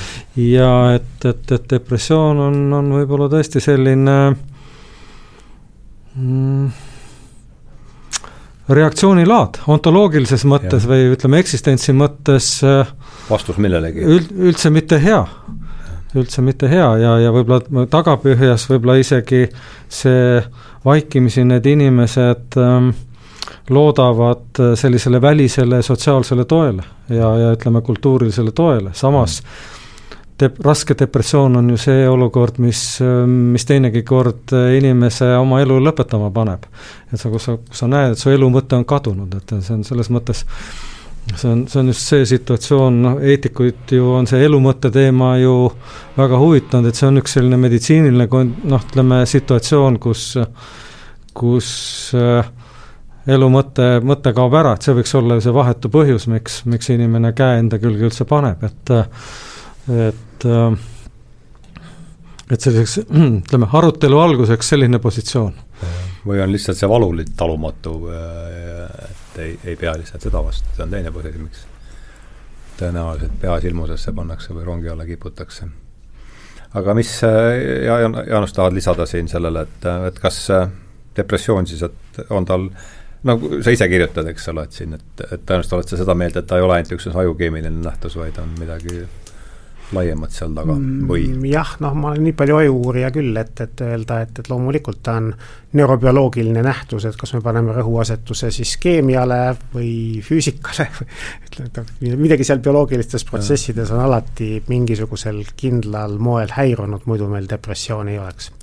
aga miks see sinna tuli mm? -hmm sellel on ilmselt siis mitu, et erinevad põhjused, et Andres rääkis rasketest üleelamistest ja need ilmselt võivad olla nii psühhotraumalaadsed kui, kui füüsilised traumad, et raske depressioon võib tulla kehaliste haiguste peale ja, ja mõnikord ka siis, kui ei ole põhjust mõelda, et see kehaline haigus oleks nüüd mingi hirmus asi, inimene ei pruugi selle peale ise mõelda. Tal võib olla raske viirusnakkus näiteks ja tal ei ole üldse mingisugust plaani ära surra ja tal ei ole justkui mingit avalikku surmahirmu, aga depressioon võib äkki tulla. üks omaette nähtus on sünnitusjärgne depressioon, millel, mida võiks olla lihtne ette kujutada, kui sünnitusega lapsega läheb midagi halvasti või, või kui rasedus kulges kuidagi eriti raskelt. ei pea olema võib tulla mingi out of blue, see kõik on justkui väga hästi, arvestades selle järgi, mis üldine kogemus selle olukorra kohta ütleb ja eelhoiatust ka ei ole, võib ootamatult äh, välja lüüa pärast sünnitust. ehk siis mingisugune füsioloogilise ressursi ära, ärakurnamine on, on, on aset leidnud. ja äh, see võiks olla ka üks äh, evolutsioonibioloogidele meeldiva seletuse osa, kes ütleksid, et, et kui depressioon on, siis see peab millekski hea olema mm. -hmm. noh, võib ka muidugi kujutada ette, et mitte kõik asjad ei ole head, mis on olemas, sellepärast et mõned olemasolevad asjad on mingi teise olemasoleva asja äh, ülemäärane väljendus, mis võtab kvalitatiivselt uue iseloomu ja mis on juba halb kindlasti, aga aga kuidas selleni siis jõutakse üldse, võikski olla niimoodi, et kui organismis on mingid ressursid vähenevad, siis ei tohi võtta ette asju, mis hakkavad ettenähtavas tulevikus üle jõu käima.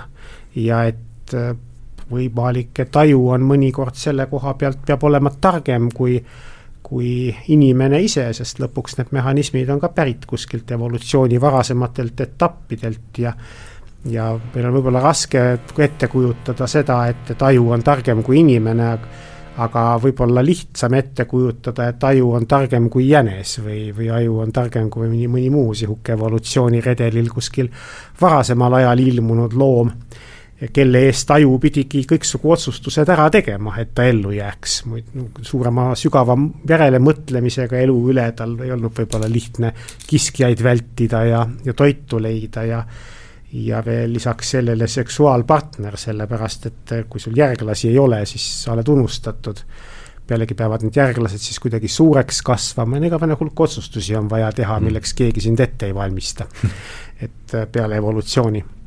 ja kui selline kaitsemehhanism ütleb inimesele, et, et sa kipud nagu liiale minema praegu mingite asjadega ja aeglust on sul nüüd maha Mm -hmm. siis äh, kui saab seda endale lubada, siis on see võib-olla kasulik, kui saab õigesti aru ja kui need teised võrgustiku sõlmed seal, millest me enne rääkisime, et mis on maru aktiivsed ja töötavad selles suunas, et et inimesele öelda, et sa oled väärtusetu ja ja sa üldse ei tule millegagi toime, et kui need äh, lülid ei hakka halba tegema, siis see ajutine pärsitus võiks olla ju kasulik mm. -hmm no siit käis läbi mõiste trauma, ma ei tea, emb-kumb võib-olla mainisite mõlemad seda, et kuidas, mis, kuidas seda teil seal teie siis teadusharudes, teie teie jah, teie ikka teadusharu on see hea, hea sõna vist, et kuidas sellesse mõistesse, mis, kuidas sellele vaadatakse või just see psühhotrauma, mida, mida selle all mõistetakse, kui palju sellest üldse räägitakse? Noh, lähtemõiste on ikka ilmselt kehaline trauma, et, et ja, see on nagu ka üle, üle kantud, et noh, midagi taolist on stressi mõistega ju ka juhtunud, et alguses mhm. see oli ikkagi, Hans Selye mõtles selle välja ikkagi eeskätt äh, Äh, selleks, et näidata endokriinse süsteemi tähtsust äh, mm, noh, ütleme äh, suuremat pingutust nõudvas olukorra, suuremat pingutust nõudva olukorraga toimetulekuks ja ütleme, see mobiliseerimine oli selline ajutine, et, et äh, selle ajaga pidi nagu selle probleemi saama ära lahut-, lahendada, stressil on hind, et, et see, see tuleb pärast, äh, see ressursikulu tuleb, tuleb kinni maksta organismil sõna otseses mm -hmm. mõttes, et, et need ressursid tuleb taastada ja, ja ja sealt kandus siis see, see stressi mõiste äh, üle ka psühholoogiasse ja praegu füsioloogias seda kasutatakse palju vähem kui, kui psühholoogias, et et võib-olla samamoodi on see, on see trauma asi ka, et et selline mm, psüühika normaalse toimimise või sellise, ütleme, normaalse reaktsiooni äh, võimet ületav mõju võib äh, toimida traumaatiliselt äh, Äh, psüühikale, et see, see ei pea. depressioon kui kaitse selle see ei pea tähendama aju äralõhkumist kuskilt, kuskilt kohast, minu arusaamist mööda. et, et, mhm. et psühhotrauma ei tähenda seda, et et aju läks kuskil puru.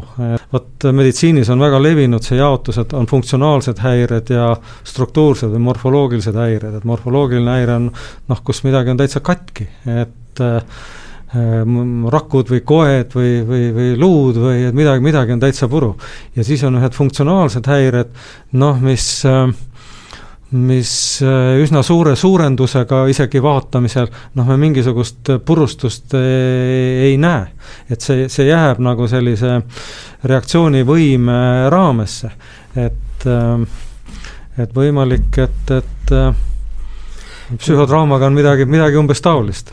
mina olin juba üliõpilasena hereetik, nagu üks mu juhendajatest mitte komplimendina ütles.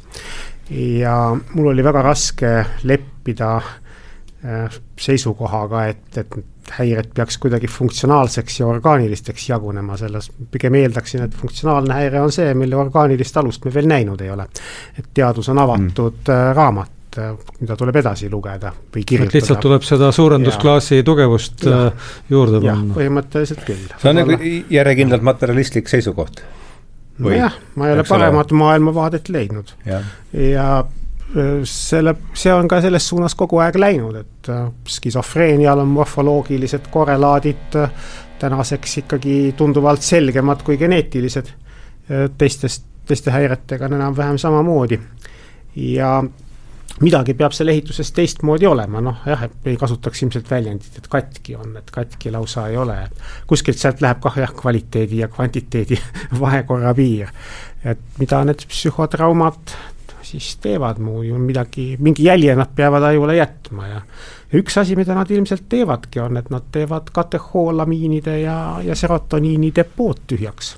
et kuidagi häirub nende virgatsainete talitlus, nende neuronide talitlus, mis neid virgatsaineid kasutavad, mille kaudu depressiooniravimid oma, oma toimet avaldavad mm. -hmm. ja selle antidepressantide mõju selle peal vist eh, nii vähe, kui mina sellest aru saan? selle peal ta põhinebki jah, seda on isegi eksperimentaalselt väga elegantselt näidatud omal ajal Pedro Delgado äh, Yale'i ülikoolis läks demonstreerima seda, et kuidas serotoniini taseme alandamine tekitaks meeleolu alandamise ja tulemus oli see, et tekitab küll, aga eeskätt nendel inimestel, kes on parajasti ravil vastava toimemehhanismiga ravimitega mm. -hmm. ehk siis äh, ta oli natuke pettunud selle üle, hiljem on küll välja tulnud, et kui inimesel on olnud depressiooni ikkagi korduvalt ja pikka aega, siis tõepoolest ka serotoniini taseme alandamine hakkab oma rolli mängima, aga väga lihtsat puudujääki meil ei ole. mingi funktsionaalne, funktsionaalne asi on seal tõepoolest, aga aga küll sai nendest katsetest väga elegantselt see selgeks, et need ravimid tõesti toimivad sealtkaudu, kust me arvasime, et nad toimivad mm. -hmm selleks, et serotoniini tagasihaaret pärssiv ravim oleks depressioonivastane, selleks on serotoniini vaja ja, piisavalt palju. serotoniini tagasihaaret pärssiv ravim. jah, no need on need fluoksetiil, Prozac, kogu SSRI, Selective Serotonin Reuptake Inhibitors. et, et võib-olla ma olen Jaanusega nõus selles mõttes, et äh, funktsionaalne häire võib olla ka viisakas väljend äh, teadmatuse väljendamiseks, et, et, et seda mitte teha, aga et on nagu kaks asja veel, mida läbi aegade meditsiinis on noh, päris palju kasutatud, sisustatud ka üpris erinevalt, et üks on see selline kompensatsioonivõime mõiste ja teine on tasakaalu mõiste, et näiteks homöostaas on suuresti tasakaalule üles ehitatud, et et, et võimalik, et, et need haiguseks peetavad ähm, olukorrad psüühikas, need võivad tegelikult tulla ka ütleme, nende kahe mõiste rakendamisega seoses, et, et need, need võivad aidata ka, ütleme seda, seda seisundi olemust ehk, ehk iseloomustada mm. -hmm. Mm -hmm vaatan, kuidas seda nüüd selle kultuuri poole minna, et tegelikult see katse, mul tuli miskipärast, mul oli pikka aega on siin, tuli see algusesse, et alguses oli kakssada või tähendab kaks äh, vaimset häiret, nüüd on neid kolmsada viiskümmend, et äh, tuleb meelde, Dostojevski kirjutab Vendades Karamazovit ja Jan, kas see ei ole mitte Ivani äh, dialoogis äh, see kuradiga, et et kui tal on vasak nina äh,, kui teil on ninasõõra haige, siis sõitke, siis sõit-, kui teil on nina haige jah, et siis sõitke, et äh, Viinis on spetsialist, aga tema ütleb teile, et ei, et mina ravin ainult vasakut ninasõõret, et äh, parema, parema ninasõõrme sama hea spetsialist on meil Pariisis, et äh, ja ma hämmastas, mida hämma-, Karamaažid on kirjutatud tuhat kaheksasada kaheksakümnenda alguseks, et et mind kuidagi hämmastas see, et tahaks lihtsalt veel kord, mu eesmärk on tõugata sinna selle või juhtida vestlust selle kultuurilise ähm, no eelmine näide ütleb, ütleme, annab palju tõlgendamisruumi meditsiini enda kohta. Äh, no alates mingist spetsialiseerumisest mm, -hmm. ülemäärase spetsialiseerumist alates, aga et no aga, aga et võib-olla üks, ütleme, kui tänapäeva, täitsa tänapäeva tulla, et noh, meil on ju selline äh, vaimse tervise mingisugune ajastu on yeah. käimas, et, et see on nagu selline väga keskne ja, ja ma tahaks öelda, et kultuur on äh, vaimse tervise äh, ütleme, edendamise seisukohalt üks, üks äh, väga keskne asi. et, et see, selles ei ole, selles ei ole mingit kahtlust ja, ja ja ütleme, see, kuidas seda kultuuri Äh, sisustada, sellel võib olla, ütleme ka vaimsele tervisele selline üsna, üsna makromõju ka.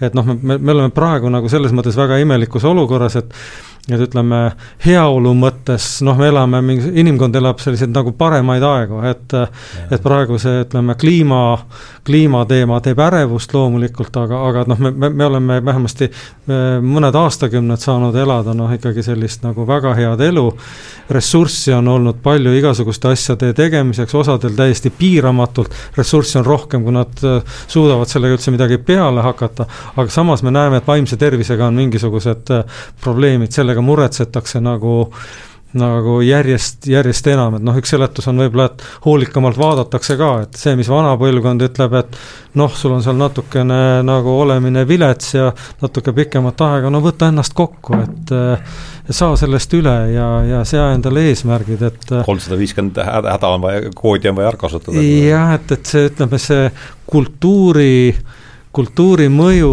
ütleme, ma, ma arvan, päris tuntav ja ütleme, need erinevad ajastud, see postmodern, kus nagu ma ei tea, milleski pole kokku lepitud, et üks selline võimas fragmentaarium käib siin üle, üle maailma nagu inimeste, inimeste vaimudest läbi, pluss kõik see, ütleme, see IT-st tulenev, tulenev mõju, et et noh, pole, pole vähematki kahtlust, et, et see kultuur oma konkreetsetes sisudes noh, väga tugevasti inimeste sellist vaimset, vaimset seisundit mõjutab, et ma, ma olen selles ikka täitsa veendunud. mis on huvitav, on, et millal ta siis mõjutama hakkas, õigemini, sest äh, ilmselgelt mõjutab ristläbilõikeliselt seda asja vaatame, aga nüüd, kui sa ütlesid, Andres, et näed, et kunagi öeldi, et võta ennast kokku või, või praegu mõni inimene ütleb kah oma lähedasele et, või tuttavale, et võta ennast kokku, siis iseenesest ju tegelikult õige mõte, peaks jah ennast kokku võtma. nüüd küsimus on, et millal seda oleks pidanud ütlema. et võib-olla on lihtsalt äh,, oleks isegi kunagi kasu olnud sellest, et sellel hetkel, kui see äh, neurobioloogiline konstellatsioon on käes, mis vastab depressiooni kriteeriumidele, siis on hilja. siis on patogeneetilised mehhanismid sealmaal, et ta ei suuda ennast kokku võtta ja see ongi haiguse sümptom. kompensatsioonivõime on ületatud ja, ja et... seda oleks kunagi varem pidanud tegema, nii et kultuuril on kindlasti see ja kui noh, kultuur muidugi selles mõttes, et enne jõudsime siia välja, et meil on geenide ja keskkondade koostööga tegemist, kultuur põhimõtteliselt on keskkond, kõikehõlmav keskkond. Meie ümber täiesti formaalloogiliselt järeldub sellest, et kultuur on määrava tähtsusega, sest depressiooni uuringutega on jah nii, et klassikaline geneetika on tegelikult kõige selgem, ühe munaraku kaksikutel on oluliselt suurem kokkulangevus depressiooni diagnoosiks kui kahe munaraku kaksikutel. aga ühe munaraku kaksikutel on ka epigeneetilised sarnasused küll suuremad, aga see, see polegi niivõrd tähtis. tähtis on pigem see, et, et hoopis suurem on mõlemal juhul keskkonnamõju. nüüd äh, kultuuri mõju saime kätte, aga ühelt poolt see ongi, et kui me oleme depressioonis juba, siis on võib-olla hilja, et, et peaks natukene varem mõtlema. aga siis on veel teine dimensioon, et äh, ma seda juttu kirjutasin, millest sa oled katkendit ette lugenud, Hardo, siis äh, ma püüdsin piirduda sellega, mis on tõepoolest nagu psühhofarmakoloogi ampluaa ja, ja kus äh, ma arvan, et ei ole kus, kus ma olen väga ohutus positsioonis kõikide võimalike vastulausete suhtes aga eh, siis detsembrikuu numbris selles ajakirjas, mille kaastoimetaja ma olen, kirjutas toreda lühiarvamuse, meil on seal üks niisugune sari, kaheleheküljelised kirjutised, mis on mõeldud natuke provotseerima. Eh, Amsterdami psühhiaatria professor Damian Deniš, kes, eh, kelle, kes on Leuveni ülikooli haridusega filosoof ka ja ta läkski nii kaugele välja, et osutada asjaolule, et et moodne ühiskond sunnib inimesi endale depressiooni diagnoosi või ärevushäire diagnoosi või midagi sellist otsima. sest see on legitiimne viis ennast halvasti tunda. osutas sellele õhtumaisele sunnile individuaalselt autonoomne olla, sest see on kõrgeim väärtus, mis inimesel justkui on ja selle rõhutamine ja selle igapäevane meeldetuletamine, infotehnoloogia areng, millele sa, Andres, viitasid, on pannud inimesed sellisesse ruumi, inforuumi, kust on võimatu eemalduda. kui sul ei ole juba väga välja arenenud eneseväärikus ja mingid toimetulekustrateegiad, mis lubavad sul sellest kaugemale minna ja kus see noorel inimesel need üldse on, pole vanematelgi, eks ole, aga päris alguses ei saagi olla. Ja siis sa oled kogu aeg selle surve all, et, et sa pead olema ennast kehtestav, individuaalne, autonoomne, sul peab kõik olema väga hästi, sul peab olema midagi teistele näidata, mis on vähemalt sama hea kui naabril, aga soovitavalt parem. see on õigupoolest inimloomuses kultuurides varem ka olnud, aga nüüd see pressib ennast kogu aeg peale ja lihtsalt ei ole selles kultuuris lubatud ennast äh, halvasti tunda, välja arvatud juhul, kui sa haige oled. psühhiaatriline ja, diagnoos ei ole nii stigmatiseeriv täna, kui ta oli mõni aeg tagasi, vähemalt mitte meeleolu ja ärevushäirete kontekstis. väike ventiil, väike surnenurk. jah, ja, ja, ja siis. Äh, Damiani sõnad olid ühes lauses vist enam-vähem täpselt niimoodi, et, et, et kuna meil ei ole lubatud patoloogilisel vii-, või kuna meil ei ole lubatud normaalselt kannatada, selle, siis me kannatame ja. patoloogilisel viisil. seda huvitavat Illitsist me rääkisime ju vist kõige esimeses saates, et äh, mul tuli meelde see Illitsi lause, et kultuur on see, mis muudab valu, kultuur on transformatsioonimehhanism, mis muudab valu kannatuseks või midagi selliseks, et annab sellele mingi ma ei tea, ühiskondlik mm, -hmm. ma ei mäleta konteksti enam täpselt, aga kuidagi mul tuli meelde, kui ma seda jah, ja Jaanuse viimane arendus tegelikult äh, see... ikkagi noh, annab alust sellele, et, et äh, psüühika võidakse ära kurnata nendes tingimustes mm. -hmm. et ja. sa ei, sa ei, sa ei pea vastu sellele pidevalt Äh, toimivale sellisele, ütleme, standardite buketile, mida, mida sa üritad kogu aeg realiseerida, et su, su vaim ei ole nii kauaks ehitatud. ja teine, jah, räägi. hakkasin ütlema, et äh, psühhofarmakoloogi impulsiivne vaheletorge selle koha peal oleks, psühhofarmakoloog ei ole tingimata impulsiivne, mina olen äh, see on, äh, valmistab pinnast ette ka psühhedeelikumide tulekuks. sellepärast, et ei saa ju teistmoodi välja, ei saa teistmoodi seda, seda Timothy Leary kuulsat Maksiimi kasutades on, on võimalik väljuda. sa mõtled tune in, drop, tune in või mis see tune in, drop out, jah.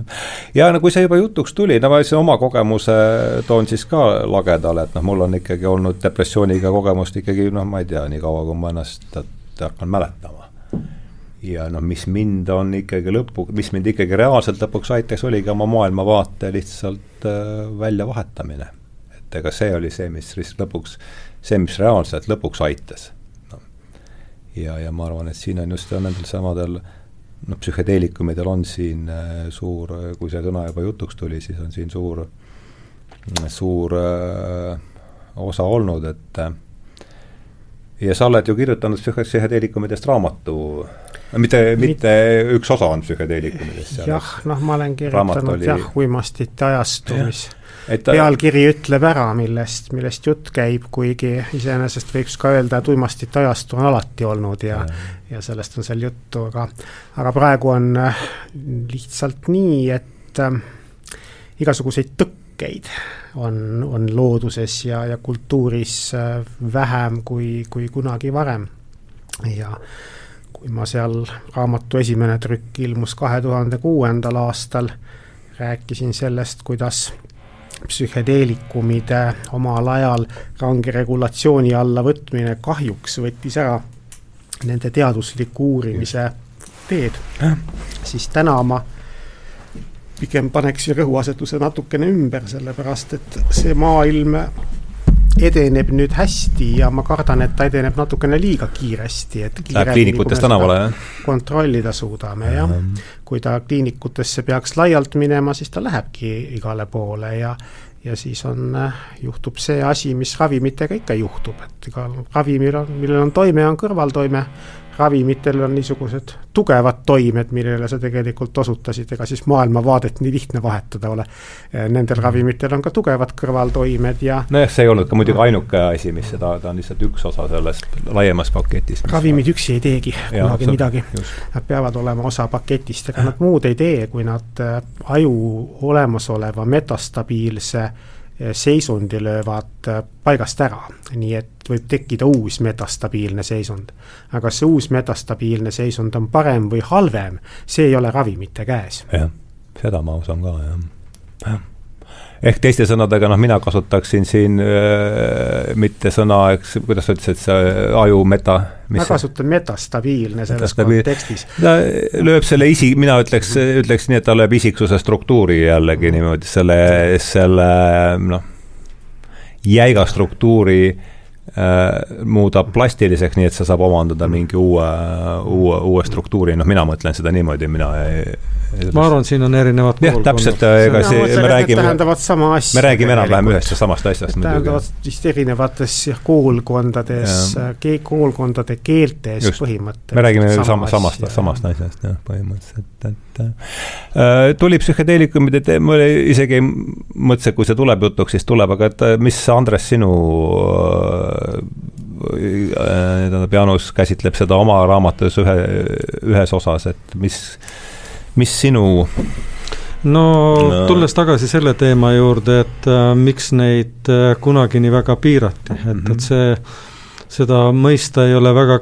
väga keeruline, et äh, meditsiinis üldisemalt äh, no on seesama põhimõte, et ära kahjusta ja et äh, kui sa noh, ütleme, kui sa ei ole täitsa kindel, et nende vahendite kasutamine on piisavalt ohutu ja, ja, ja inimene kaotab tegelikult äh, kontrolli selle tavapärase iseenda üle, ta, ta hakkab tegema asju, mida, mida ta kunagi ilma selle ravimi mõjuta ei tee, et noh, see on üsna loomulik noh, esimene selline reaktsioon, et, et keelame selle kõik ära. Mm ja ongi kogu lugu, ilma et äh, see, nende ainete äh, kogu mõju, kogu ütleme, selline toimelaad kesknärvisüsteemile, ilma et see selgeks saaks, et, et noh, jäädi Jaanus ütles ilmselt sedasama, et jää, jäädi poolele teele pidama selle asjaga, et, et, et pandi, pandigi kalevi alla see.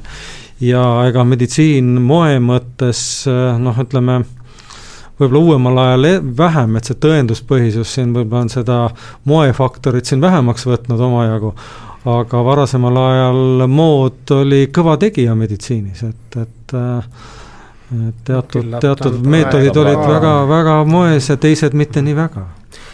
jah, seda dimensiooni saab siia veel juurde tuua selles, et noh, see on selline inimliku otsustusmehhanismi ja ühiskondliku korralduse küsimus, et Äh, kuskilt maalt tuleb teha mingid otsused, mis ei ole liiga paljusid erandeid sisaldavad. mingid, mingid kategoriaalsed süsteemid tekivad. ja uimasti kontrollis on, on äh, kaks sellist äh, jämedat joont, üks on see, et kas, kui kahjulik mingi asi on, seal on olnud ka suur rõhuasetus sõltuvuspotentsiaalile, aga ütleme nii, et, et kas, kui kahjulik see on, teine on see, et kuivõrd sellest asjast võiks meditsiinil kasu olla. Näiteks opiaadid on potentsiaalselt väga ohtlikud asjad, aga nad ei ole mitte kõige rangemalt äh, enamasti reguleeritud sel lihtsal põhjusel, et neist on nii palju kasu, me ei saa ilma nendeta meditsiinis läbi mm -hmm. tänase päevani. nüüd, äh, mis puudutas psühhedeelikume, siis seal oli tajutud sel hetkel nii seda, et, et neist mingisugust äh, kasu ei ole et nendega on ainult potentsiaalsed ohud ja kasu oli tegelikult ikka proovitud ka. et LSD-d anti paljudele tuhandetele inimestele ravi otstarbel äh, veel enne seda, enne teist maailmasõda, rohkem Euroopas, äh, meskaliini äh, prooviti nii Inglismaal kui Saksamaal kui Prantsusmaal ravivahendina ja ei õnnestunud ära kirjeldada missugusel puhul ta siis nüüd kasulik võiks olla piisavalt meditsiini jaoks ja ta jäi tagaplaanile. nüüd iseküsimus on, et see ei olnud tingimata võib-olla süstemaatiline otsimine, et kuskil on need inimesed, kellel oleks kasu, aga aga kui proovida jämedamate kategooriatega, siis seda netoefekti kätte ei, ei saanud. ja teine aspekt veel tegelikult selle regulatoorse asja juurde, mis pani psühhedeelikumid väga range kontrolli alla, oli, et nad ei olnud ju üksi. et see oli niisugune ajast, eelmine uimastite ajastu, kõrglaine, kus eri tüüpi psühhoaktiivseid aineid levis korraga hästi palju ja ja noh, see hakkas äh, muret tekitama, puhtmeditsiiniline ülekoormus, eks ole. no pluss ka see, et ta oli ikkagi oluline estab-, establishment'i vastane, mis nüüd LSD-sse puutub, siis ta oli ka ikkagi selgelt äh, kontra, kontrakultuuri selline. jah, aga no establishment on käesoleval juhul demokraatlik riik ja Charles Baudelaire, kes ilmselgelt ei olnud establishment'i mees, eh, hoiatas üheksateistkümnendal sajandil, et, et riik, mille kodanikud hašišit suitsetavad, ei jää püsima mm. -hmm ja aga siin on üks huvitav, siin on ähm, see, et äh, käis läbi lause, et meditsiinil on kasu, et see tuletab mulle meelde noh, teist äh, teist lauset, millega ma olen oma vara, varasemas elus palju kokku puutunud, et majandusele on kasulik.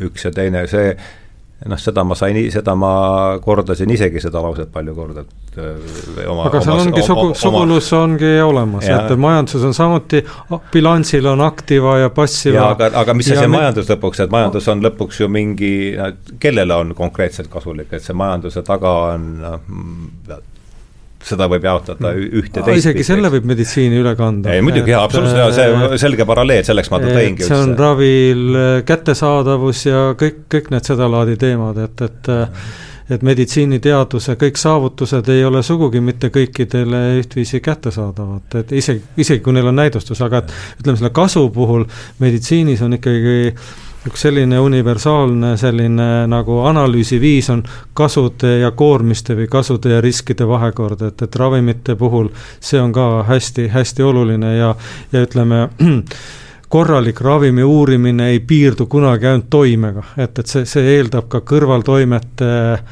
kindlaks tegemist, nende esinemissagedust ja, ja, ja muud kõike seda, et noh, me oleme, me oleme, kes meditsiini on õppinud, kõik on farmakoloogias kuulnud seda baas, baasütlust, iga ravim on mürk, et, et mhm. ravimina toimib ta ainult äh, õiges, õiges kontsentratsionis või noh, ütleme, ütleme niimoodi natuke äh, vabamalt öeldes õigesti kasutatuna, et, et noh, et see on, see on ravimi noh, praktiliselt paratamatu, paratamatu kaasanne, et ravim, ravi, mingisugune keemiline aine ei ole mitte igasuguses olukorras, igasuguses koguses ja, ja nii edasi äh, sellise terapeutilise kasuga, vaid et, et tal on, tal on tegelikult alati ohupotentsiaal olemas. nojah, see on, no ma ütlen, kui tulles tagasi selle paralleeli juurde, et majandusel on üks või teine asi kasulik, no siis hakkame mõtlema, et kuidas oot-oot, majandus on nüüd üks abstraktne nimisõna, et hakkame siin nüüd pisut selgust looma, et siis me saame klassifitseerida tööandjad töövõtjad, regulatoorsed ametniku re,, re, regulatiivsed ametkonnad ja nii edasi ja nii edasi, riigiaparaat sinna kõrvale veel, et noh,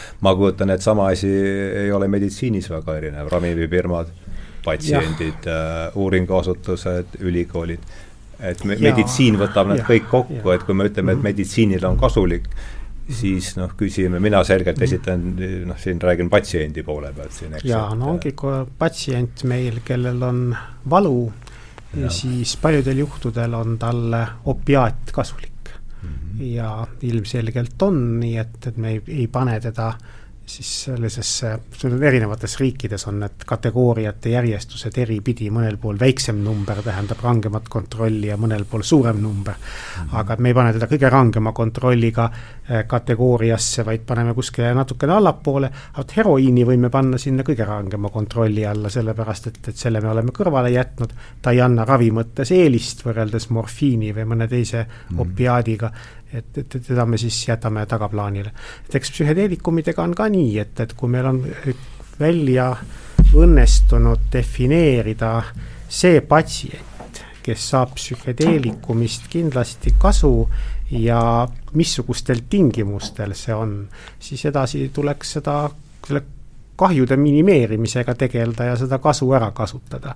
et mis või, võis olla nii-öelda etteheide omal ajal äh, klassifitseerijatele ja reguleerijatele oli, et et seda tüüpi ravimid oleks võinud panna nii-öelda üks aste äh, madalama rangusega kontrolli alla mm. -hmm. et see, mis oleks teinud võimalikuks nende teaduslikus uurimistöös parema kasutamise mm -hmm. ja oleks andnud mingitki lootust saada suurematest riiklikest fondidest selle uurimistöö jaoks toetust. aga noh, jällegi, et äh, otsustamine, mis läheb poliitikute ja ametimeeste kätte, lähtuvad mingisugusest üldisemastest reeglitest ja kui sul ei ole tõepoolest käesoleval hetkel õnnestunud näidata seda meditsiinilist kasutamisnäidustust, siis nii on. no ma arvan, et, et kindlasti on teemaks ka see, et noh, ikkagi väga domineeriv seisukoht on, et isiksuse tuumaks on ikkagi tema teadvused, mis tal, mis tal seal teadvuses on ja kui eh, on olemas ained, mis selle teadvuse ikkagi üsna teistsuguseks teevad, eh, kui, kui neid aineid ei oleks. et noh, ma kujutan ette, et see võib olla ikkagi üsna hirmutav, et eh, et mida see kõik võib, võib kaasa tuua, ma arvan, see hirm äh, ma ei tea, raske on võib-olla võrdusmärki praegu äh, panna, et praegu on suur hirm, ma ei tea, tehisintellekti ees, aga ma kujutaks ette, et et too hirm oli isegi suurem tollel hetkel kui see, mis meil praegu on tehisintellekti suhtes, et, et ja. mida, mida see kõik siin võib korraldama hakata ja, ja seda me teame oma varase siin kaugetest näitest, kui see propagandaveski ühes suunas undama hakkab, siis ega seal nüanssideks ei jää ju kuskil äh, Äh, no pluss muidugi see, et, et kui ühiskonnakord on selline totalitaarse poole, et, et seal mm. domineerib selline mingi üks vaade, et noh, sellisele seltskonnale ma kujutaks ette, need psühhoteelsed ained on nagu veel eriti ohtlikud. et need, nende kasutajatel noh, nad no see on, see on see teema ka, et kuidas selle kasutaja usub sellesse, mis temaga ravimi toimimise ajal toimub, et, et kas, kas see on tema esmane loomus või, või, või see ei ole üldse tema loomus, vaid see on, see on nüüd ütleme aine toimest ka tulenev. jah, huvitavad küsimused jah üks lugesin ühte, no nagu aeg-ajalt viskab neid igasuguseid uudiseid sealt ette, et üks, äh, mis oli ohtlik mõju psühhedeelikumid, oli see, et see Äh, siis äh, suurendab äh, tarvitaja vastuvõtlikkust kõikvõimalikele konspiratsiooniteooriatele. Mitte ainult konspiratsiooni ja seda, seda ma, seda ma võin oma, oma kogemuse põhjal nüüd küll täiesti kinnitada, et, et ütleme, niisugune usk päevauudistesse oli mul enne, oli kaunis nõrk, et noh, pärast äh, igatahes nüüd viimastel aastatel väga palju järele pole, pole jäänud ja ja, ja, ja aga noh, see ikkagi viib meid minu arvates sellesama ikkagi, meil on jäänud siin järele no kusagil paarkümmend minutit, et et seesama kultuuriline, ikkagi seesama kultuuriline mõju, et, et noh, mul on tunne, et kui me sellest tupikust siit tahame üldse kuidagi äh, pooleluselt välja tagurdada, et siis meil on sellist suurt äh, Äh, ja ma saan aru, et see on selline, see on väga kahe, see on väga kaheldav metodoloogiline käik, mida ma praegu teen, ma oma kogemuse pealt projitseerin et äh, laiemale kultuurile, mis veel kord, ma saan aru selle käigu pro-, käigu problemaatilisusest, aga kuna noh, mul, see on minu kogemus, eks, et et selleks, et ellu jääda selles olukorras, tuli muuta, ikkagi muuta fundamentaalselt oma maailmapilti ja mul on kiusatus öelda ja veel kord, ma saan aru, et see on problemaatiline käik, et see tõenäoliselt tuleb teha kogu meie äh, kultuuris, kui me tahame siin ellu jääda, sest vot milles tupikus olemine seisneb, täpsustaks no, seda? kas või selles võtame loodud. Andrese mõtet edasi arendades, et me elame tegelikult ju maru hästi. istume siin soojas valges stuudios, meil on aega kaks tundi rääkida. kellelgi eeldatavasti on siis aega meid kuulata, kui me seda salvestust siin praegu teeme. Rääg, räägime, mida tahame. just nimelt, seda tasub eriti rõhutada. ja see on jah, ja, jah, see on seda ja seda me oleme siin ka korduvalt rõhutanud, aga noh, teiseks paneme paneme, vaatame rehkenduse teist poolt, meil on äh, massipsühhoos, äh, tuumarelvad, äh, öko, looduskatastroof, need on kõik asjad, mille noh, mis nii noh, ütleme nii õige kui see ka, millele sa, Jaanus, tähelepanu praegu juhtisid, et tuba on, tuba on köetud, pood on kaupa täis ja saame siin lõugu laksutada, nii et vähe ei ole, et need on need on asjad, äh, noh, mida ma kõige vähem tahan siin äh, kuidas ma ütleks, et kõige see kipub natuke sellist uut lehekülge veel avama ühte, et see on see ärevuse ja, ja depressiooni seos, et noh, et ja. ütleme, et see osadel inimestel tekitab ärevust, et, et äh, aga ärevus, see on sellise võimaliku ohu signaliseerija, et, et depressioon on ikkagi selline asi, et midagi on ikka juba, midagi on, midagi mitte eriti head on toimunud juba. selle Üks inimese jaoks. kontrolli puudumine välise keskkonna üle ja teine sisekeskkonna üle. mis sa mõtled, äh, kumba nüüd kumba? ärevust äh, nagu Andres osutas natuke teiste sõnadega. et ärevus, ärevus on kontrolli puudumine? tähendab seda, et sa kardad, et väljaspool on asjad sinu kontrolli alt mm. liiga väljas ja midagi paha hakkavad tegema. depressiooni puhul on nad juba paha ära teinud ja ja inimene tegeleb oma sisekeskkonna hädadega rohkem mm. -hmm. ärevus on siis oht väljaspool, jah aga anna palun juurde, Andres, sellele veel, et sa võtsid selle lehekülje ette, et ähm, anna siin. ei noh, tegelikult võtsid ikka sina selle ette, et okay, äh, aga... et me oleme kuskil tupikus ja see, me, me, me, meil on mingisugused noh, kui me oleme tupikus, siis nagu edasi, edasiteed ei ole, noh, ja kui me oleme selle samase kolme või nelja tee ristis, et noh, et mis me siis seal nagu, seal ristis siis peale hakkame, et kõige õigem, ma ei tea, tagasi minna siis või? et no mulle tundub, et äh, ma ei tea, ma vist ei ole selliseks asjaks ka valmis, et äh, et, et ja, et, ja kuidas et, me et üldse ma- tagasi läheme, mis, mis see kindlasti tähendab üldse? mulle tundub võib-olla ikkagi see, et äh, kuna kultuuri mõttes äh, on meil tohutu paljusus äh, ja käib mingisugune selline võitlus tähelepanu nimel, et, et, et seda tähelepanu saavutada. et, et see, see mulle tundub, et võib-olla on äh, vaimsele kurnav ja, ja, ja see võib siis midagi tegema hakata.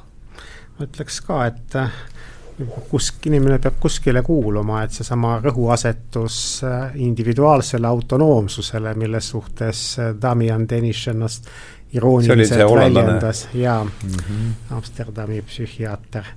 et see on üks neid teid, mida, mille pealt võib-olla võiks tagasi kõndida, kui Andrese sõnu kasutada, mõne, mõne maa, sellepärast et see ei ole meile evolutsiooniliselt äh, seaduspärane koht, kuhu me läinud oleme. et me oleme primaadid, me oleme tegelikult Just. Karjaloomad ja selleks me jääme ka, kuni me ei evolutsioneeru mingisuguseks muuks elukaks, aga pigem me seda ei tee. pigem nii kaugele tagasi ei ole võimalik kõndida, vaid edasi saab ikka ainult minna. ja, ja see võib tähendada siis seda rada, mis Charles Darwini raamatu äh, liikide tekkimisest äh, ainsa joonise peal on tähistatud siis joonena, millel on väike ristjoon otsa tõmmatud, ehk siis, et see asi lõppes nüüd ära. ja see kindlasti ei juhtu lähemal ajal, nii et väga muretseda nüüd ka põhjust ei ole. aga eh, ju meie pärand on küllaltki kollektiivse liigi oma ja siis peaks sellega kuidagi õppima talitama ja nagu siin Andres vihjas, et ei saa nagu korraga väga paljudesse kollektiividesse ka kuuluda. ma ei taha öelda, et peab olema ainult üks kindel identiteet, aga ma siin alguses tutvustasin ka, et minul näiteks esimene identiteet on psühhofarmakoloogia, see aitab mul endal maailmas mingit kindlat kohta hoida ja kontrollida mingit osa maailmast nii palju, kui mul tarvis on. püsida oma vaimses tasakaalus ja samasugused lahendused võiksid olla kultuuriliselt eh, need, mis ennetavad seda, et, et musta sapi piisad hakkavad moodustama ojasid ja jõgesid ja deltasid ja muid selliseid asju ja siis lõpuks ongi mingi ajukahjustus ka juba näha. nojah, seda, ma ei tea, kas Kabor, Kabor Matee nime ütleb, ütleb teile midagi, Mulle tema on üks äh, ka pagunitega ikkagi niisugune äh, arst. Ja tema nüüd iga, no see jällegi räägib, apelleerib ainult oma kogemusele, mis on ennast aidanud, et igasuguse vaimse tervenemise mm, esmane mõte on ühend, ühendus, ühendustunne kõigepealt endaga, siis ümbritsevate inimestega, siis ümbritseva loodusega ja siis noh, kui te arvate, et on selles looduses ka veel midagi kõrgemat, siis ja noh, minu arust see jällegi haakub sellega, mis sina just äsja rääkisid, et ma ei ole üksi, see äh, väike kartesiaanlik aatom seal oma, oma kuulis, vaid ma kuulun mingisse suuremasse pilti ja see juba on minu noh, värg, siin ma apelleerin ainult puhtalt, puhtalt äh, oma kogemusele, et ikkagi jah, see ja see natuke minu meelest haakub ka sellesama Dostojevski näitega, mis see, noh, see üks meie kultuuri iseloomustav tunnus on ju see äärmuslik reduktsionism, mis väljendub selles samas nina, vasaku nina ja parema ninasõõrme arstis, aga ka selles, et me tunneme ennast selliste üksikute elementaarosakestena, kes on kõigetud, lõigatud ära lõpuks endast ja, ja oma lähedastest ja, ja noh, ja see tekitab, paneb selle musta sapi minu meelest samas muidugi inimese vaim on otsiv, jah, muidugi. et, et ta tahab neid piire kombata, neid nihutada ja, ja võib-olla on siin käimas üks sotsiaalne eksperiment ah,. et, et võib-olla ütleme, see olustik sunnib meil ikkagi kolle-, ütleme, individualismi kollektiivsuse skaalal tagasi tõmbama. et, et, et natuke neid in, individuaalseid äh, vabadusi kärpida selle nimel, et, et meil kõigil parem oleks, et, et, et meil seda vabadust ikka järgi jääks, et, et noh, see, see dilemma, no ma kujutaks ette, et see kliimamöll kõik, et see on no, mingisugusest samasugusest loogikast tegelikult ajendatud. jah, vaadake, kliima puhul me justkui räägiksime kogu inimkonna eest ja, ja tuumarelvade puhul ja aga, aga samas mitmesugused küsimused on tegelikult ju meile spetsiifilised, kes me moodustame eh, inimliigist väikese osa nendest, kes kõik maa peal elavad. Meil on mõned teised kultuurid hoopis teistsugused, hoopis teistsuguse individuaalsuse, kollektiivsuse skaalaga ja evolutsioonilise loogika järgi äh, ei ole ilmselt äh, keeruline ennustada, mis peaks eelise saama mm. -hmm. no just. ja noh, ja nüüd on esimest korda ka, mis mm, läks väga, avastasin enda jaoks siin mõned äh, nädalad tagasi sellise huvitava mõtleja nagu Houston Smith, kes on religiooni uurija. ja tema ütles äh, lause, mis mind pani väga järele mõtlema, et et kui viissaja, viiesaja aasta pärast vaatavad ajaloolased tagasi meil kahekümnenda sajandi peale, et mis on kahekümnenda sajandi põhiline tunnus saab olema või see, mille järgi teda mäletatakse, et see pole mitte see, et aatomrelvad leiutati ja mitte ka see, et oli siin kommunistlik eksperiment, sest ma mõtlesin, oh, see lause algas huvitavalt, et kuhu see läheb. Et esi, see on esimene kord, kus ida ja lääs kohtusid äh, äh teineteisega nagu võrdne võrdsetega. ta rääkis seda viiekümne seitsmendal aastal, eks. ja see, ja see pole ainult mitte nüüd see, vaid et, äh, et jumal hoidku, tulevad, äh, tulevad džunglitest, ajavad inimesed oma joru, kõik see, kogu see kogu see katel podiseb siin nii, et vähe ei ole praegu, et see, et mis meile tundus siin kuuekümnendatel aastates, kus oli üks, et noh, nagu ma siin räägin, Aktuaalne Kaamera rääkis pool üheksa oma joru ära, Vremja lajatas kell üheksa peale, eks, ja, ja, ja nii oligi maailm, et see on nüüd läinud, et see kõik see see, see asi, see asi podiseb ja sealt see, see kollektiivne dimensioon, ega see, see ülim individualiseeritus tuleb ju lääne kultuurist, eks, nii palju, kui mina sellest äh, aru saan. no see on see jah, see maailm kui üks küla, et, et maailm kui üks küla, just see on reaalselt toimub praegu. jah, aga no ja Jaanus ütleb, et, et see ei ole ikkagi päris totaalne, et on ikkagi seltskondi, kes elavad külast väljas. elavad omaette ja saavad hakkama niikaua, kuni küla ei ole keskkonda päris tuksi keeranud. võib-olla rohkem mõtlen sellistele tsivilisatsioonidele nagu Hiina, mis, mis kunagi oli maailma kõige suurem majandus ja, ja mis kavatseb selleks uuesti hakata. jah, kui nad ära, ära ei lagune enne. selleks kultuuriks äh, nagu, millele ma ei oska olemata ühiskonna uurija ühte selget äh, nimet-, ühist nimetajat panna paremat kui suhteliselt halb nimetaja, milleks on islamiusk mm. -hmm. ja selleks, sellele ma ei oska niigi palju nime panna, mis tuleb Sahara alusest Aafrikast, kus, mis annab tegelikult ju praegu valdava osa maailma sündimusest. ja, ja, ja kus Kristus pidi laienema päris hoogsalt, ma olen kuulnud see polegi paha uudis. Aga mis puudutab seda lääne individualiseeritust, siis seal on, ma arvan, üks kvalitatiivne muutus kahekümnendal sajandil ja nüüd edasi toimunud. Ja see on see, et kui varem oli see indiviidi autonoomsus rohkem ideaal, siis heaoluühiskonna kasvamisega on see muutunud järjest rohkem praktiliseks võimaluseks. ja nüüd ta läheb omapärasesse kontrasti nende teiste tehnoloogiliste arengutega, mis seda individuaalsust, individuaalsusest tekitavad illusiooni mm. -hmm. see on ju, vot see on psühhedeeliline, mida teeb individua-, indiviidi autonoomsusega äh, praegune infoühiskond mm. -hmm. absoluutselt, see on äh, enneolema-, see on sama fundamentaalne äh, murrang, nagu oli ikkagi Gutenberg, kui mitte suurem, eks ma arvan, et äh, kuigi omas ajas võib-olla Gutenberg võis olla veel ikka kirja leiutamine on vist, vist kõige no jah, seda küll jah, jah, aga noh, see viib meid üldse ja sellega ka nõus, jah ja.. kultuuriplaanis on need olnud eh, suuremad asjad küll aga nüüd vaimsele tervisele mõju avaldamise mõttes no, on vahe, see on see teema, millest me põhiliselt rääkisime.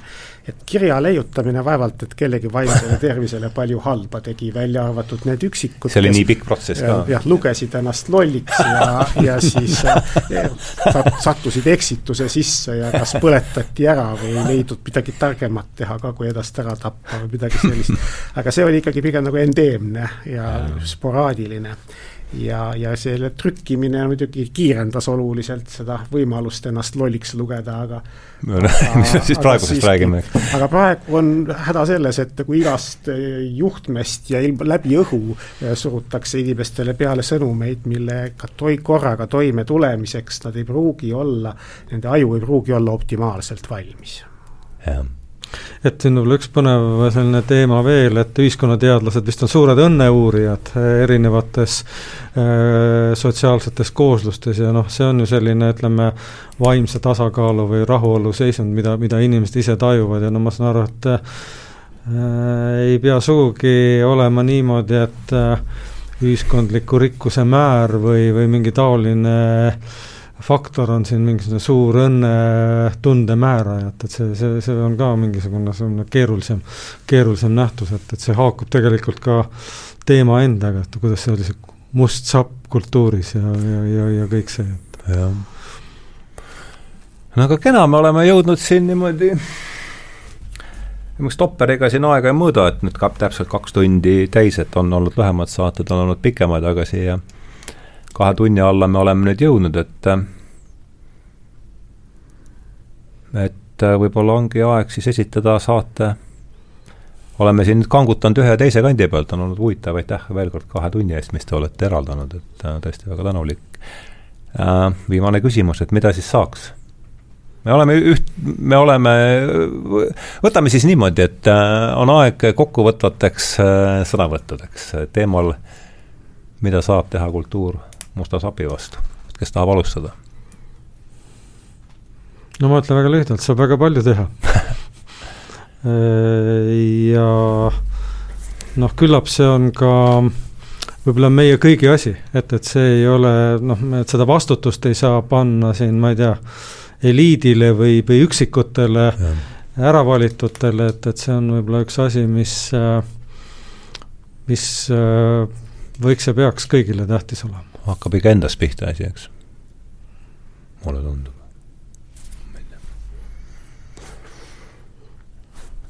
kõik minu poolt kõik, jah, Jaanus.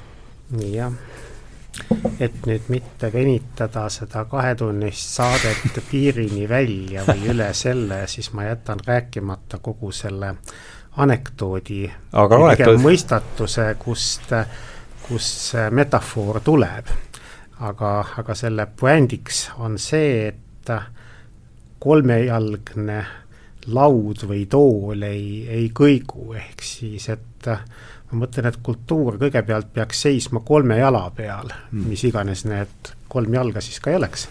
et ta peaks kindlalt seisma, et võimaldada endaga identifitseerumist. ja selle toega on äh, aju plastilisus varustatud niivõrd äh, palju parema kerksusega või säilenõtkusega, nagu erinevad koolkonnad eesti keele kasutamisel resilientsust tõlgendavad.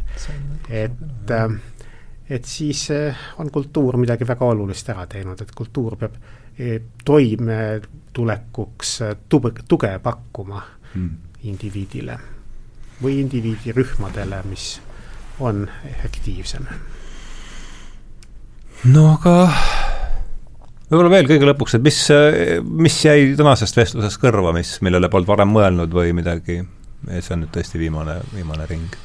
ausalt öeldes ei olnud sellistel teemadel kohe päris tükk aega vestelnud, et, et äh, siin oli palju selliseid teemasid, mis äh, enda elukogemuse käigus ühel hetkel on aktuaalsemad olnud ja teisel hetkel vähem aktuaalsed, et, et oli äh, oli selline väga äh, väga hea vestlusring, et äh, ma olin alguses skeptiline ausalt öeldes, et, et kuidas, kuidas see kõik läheb, aga minu arvates äh, äh, mul ei ole sugugi sellest kahest tunnist kahju, et, et saime selle koos veeta ja, ja nendel teemadel mõtteid vahetada. aitäh sulle ka, et tõesti suur aitäh, Jaanus. jah, sa, Hardo, hakkasid peale äh, ühe minu kirjutatud lausega, mis oli äh, natuke, natuke mitteorgaaniliselt õigupoolest seal loo lõpus, mis, ma ei mäleta enam, miks mulle tundus, et, et see peaks seal olema. see kohe haakus minuga, jah. Äh, aga, aga kuna ta maandus sinna nii-öelda langevarjuga tundmatule alale ja hoolimata, ignoreerides siis seda, et noh, on mingi teerist, sest noh, ei tea, kustkohast minna. Ja, ja seetõttu oli, mul ei olnud ühtegi mõtet siia tulles, mida peaks ütlema, ega ka aimu, mida, mida me rääkima hakkame, et kind-, sellest oli nüüd kasu, et, et õnnestus sellesse lausesse mingi sisu tekitada meil kollektiivselt ja ja on mõned mõtted ehk valmis, mida võib kuskil veel vaja minna, kui, kui on tarvis rääkida depressioonist ja ja võib-olla ka tunne, et järsku peaks mõnikord ka kultuurist rääkima. jah, ja no ma ise mõtlen omalt poolt ka, et ma s, s, olen teinud siin päris ikka kaks pool lehekülge märkmeid, et aga ühe asja peaks välja tooma, siis ikkagi see, et esimene rah-, haiguste, rahvusvaheline haiguste klassifikaator tuli välja kahekümnenda sajandi alguses ja alguses oli seal, me räägime, ei räägi täpsest faktoloogiast, aga suurusjärgud on sellised, alguses oli kaks vaimuhaigust, et nüüd on neid kolmsada viiskümmend, et see ütleb ka minu, ütles, võtab minu jaoks midagi kokku sellest asjast. aga suur-suur aitäh teile veel kord, äh, Andres Soosaar, äh, Jaanus Arro, et ma kujutan ette, et ega teie kalender on küllaltki tihe ja seetõttu on mul eriti hea meel, et te selle aja leidsite ja ja tänan veel kord teid, tänan kõiki, kes on teinud saate võimalikuks, tänan meie kuulajaid ja ja kõiki, kes on teinud meile täna sellise ilusa kevadise ilma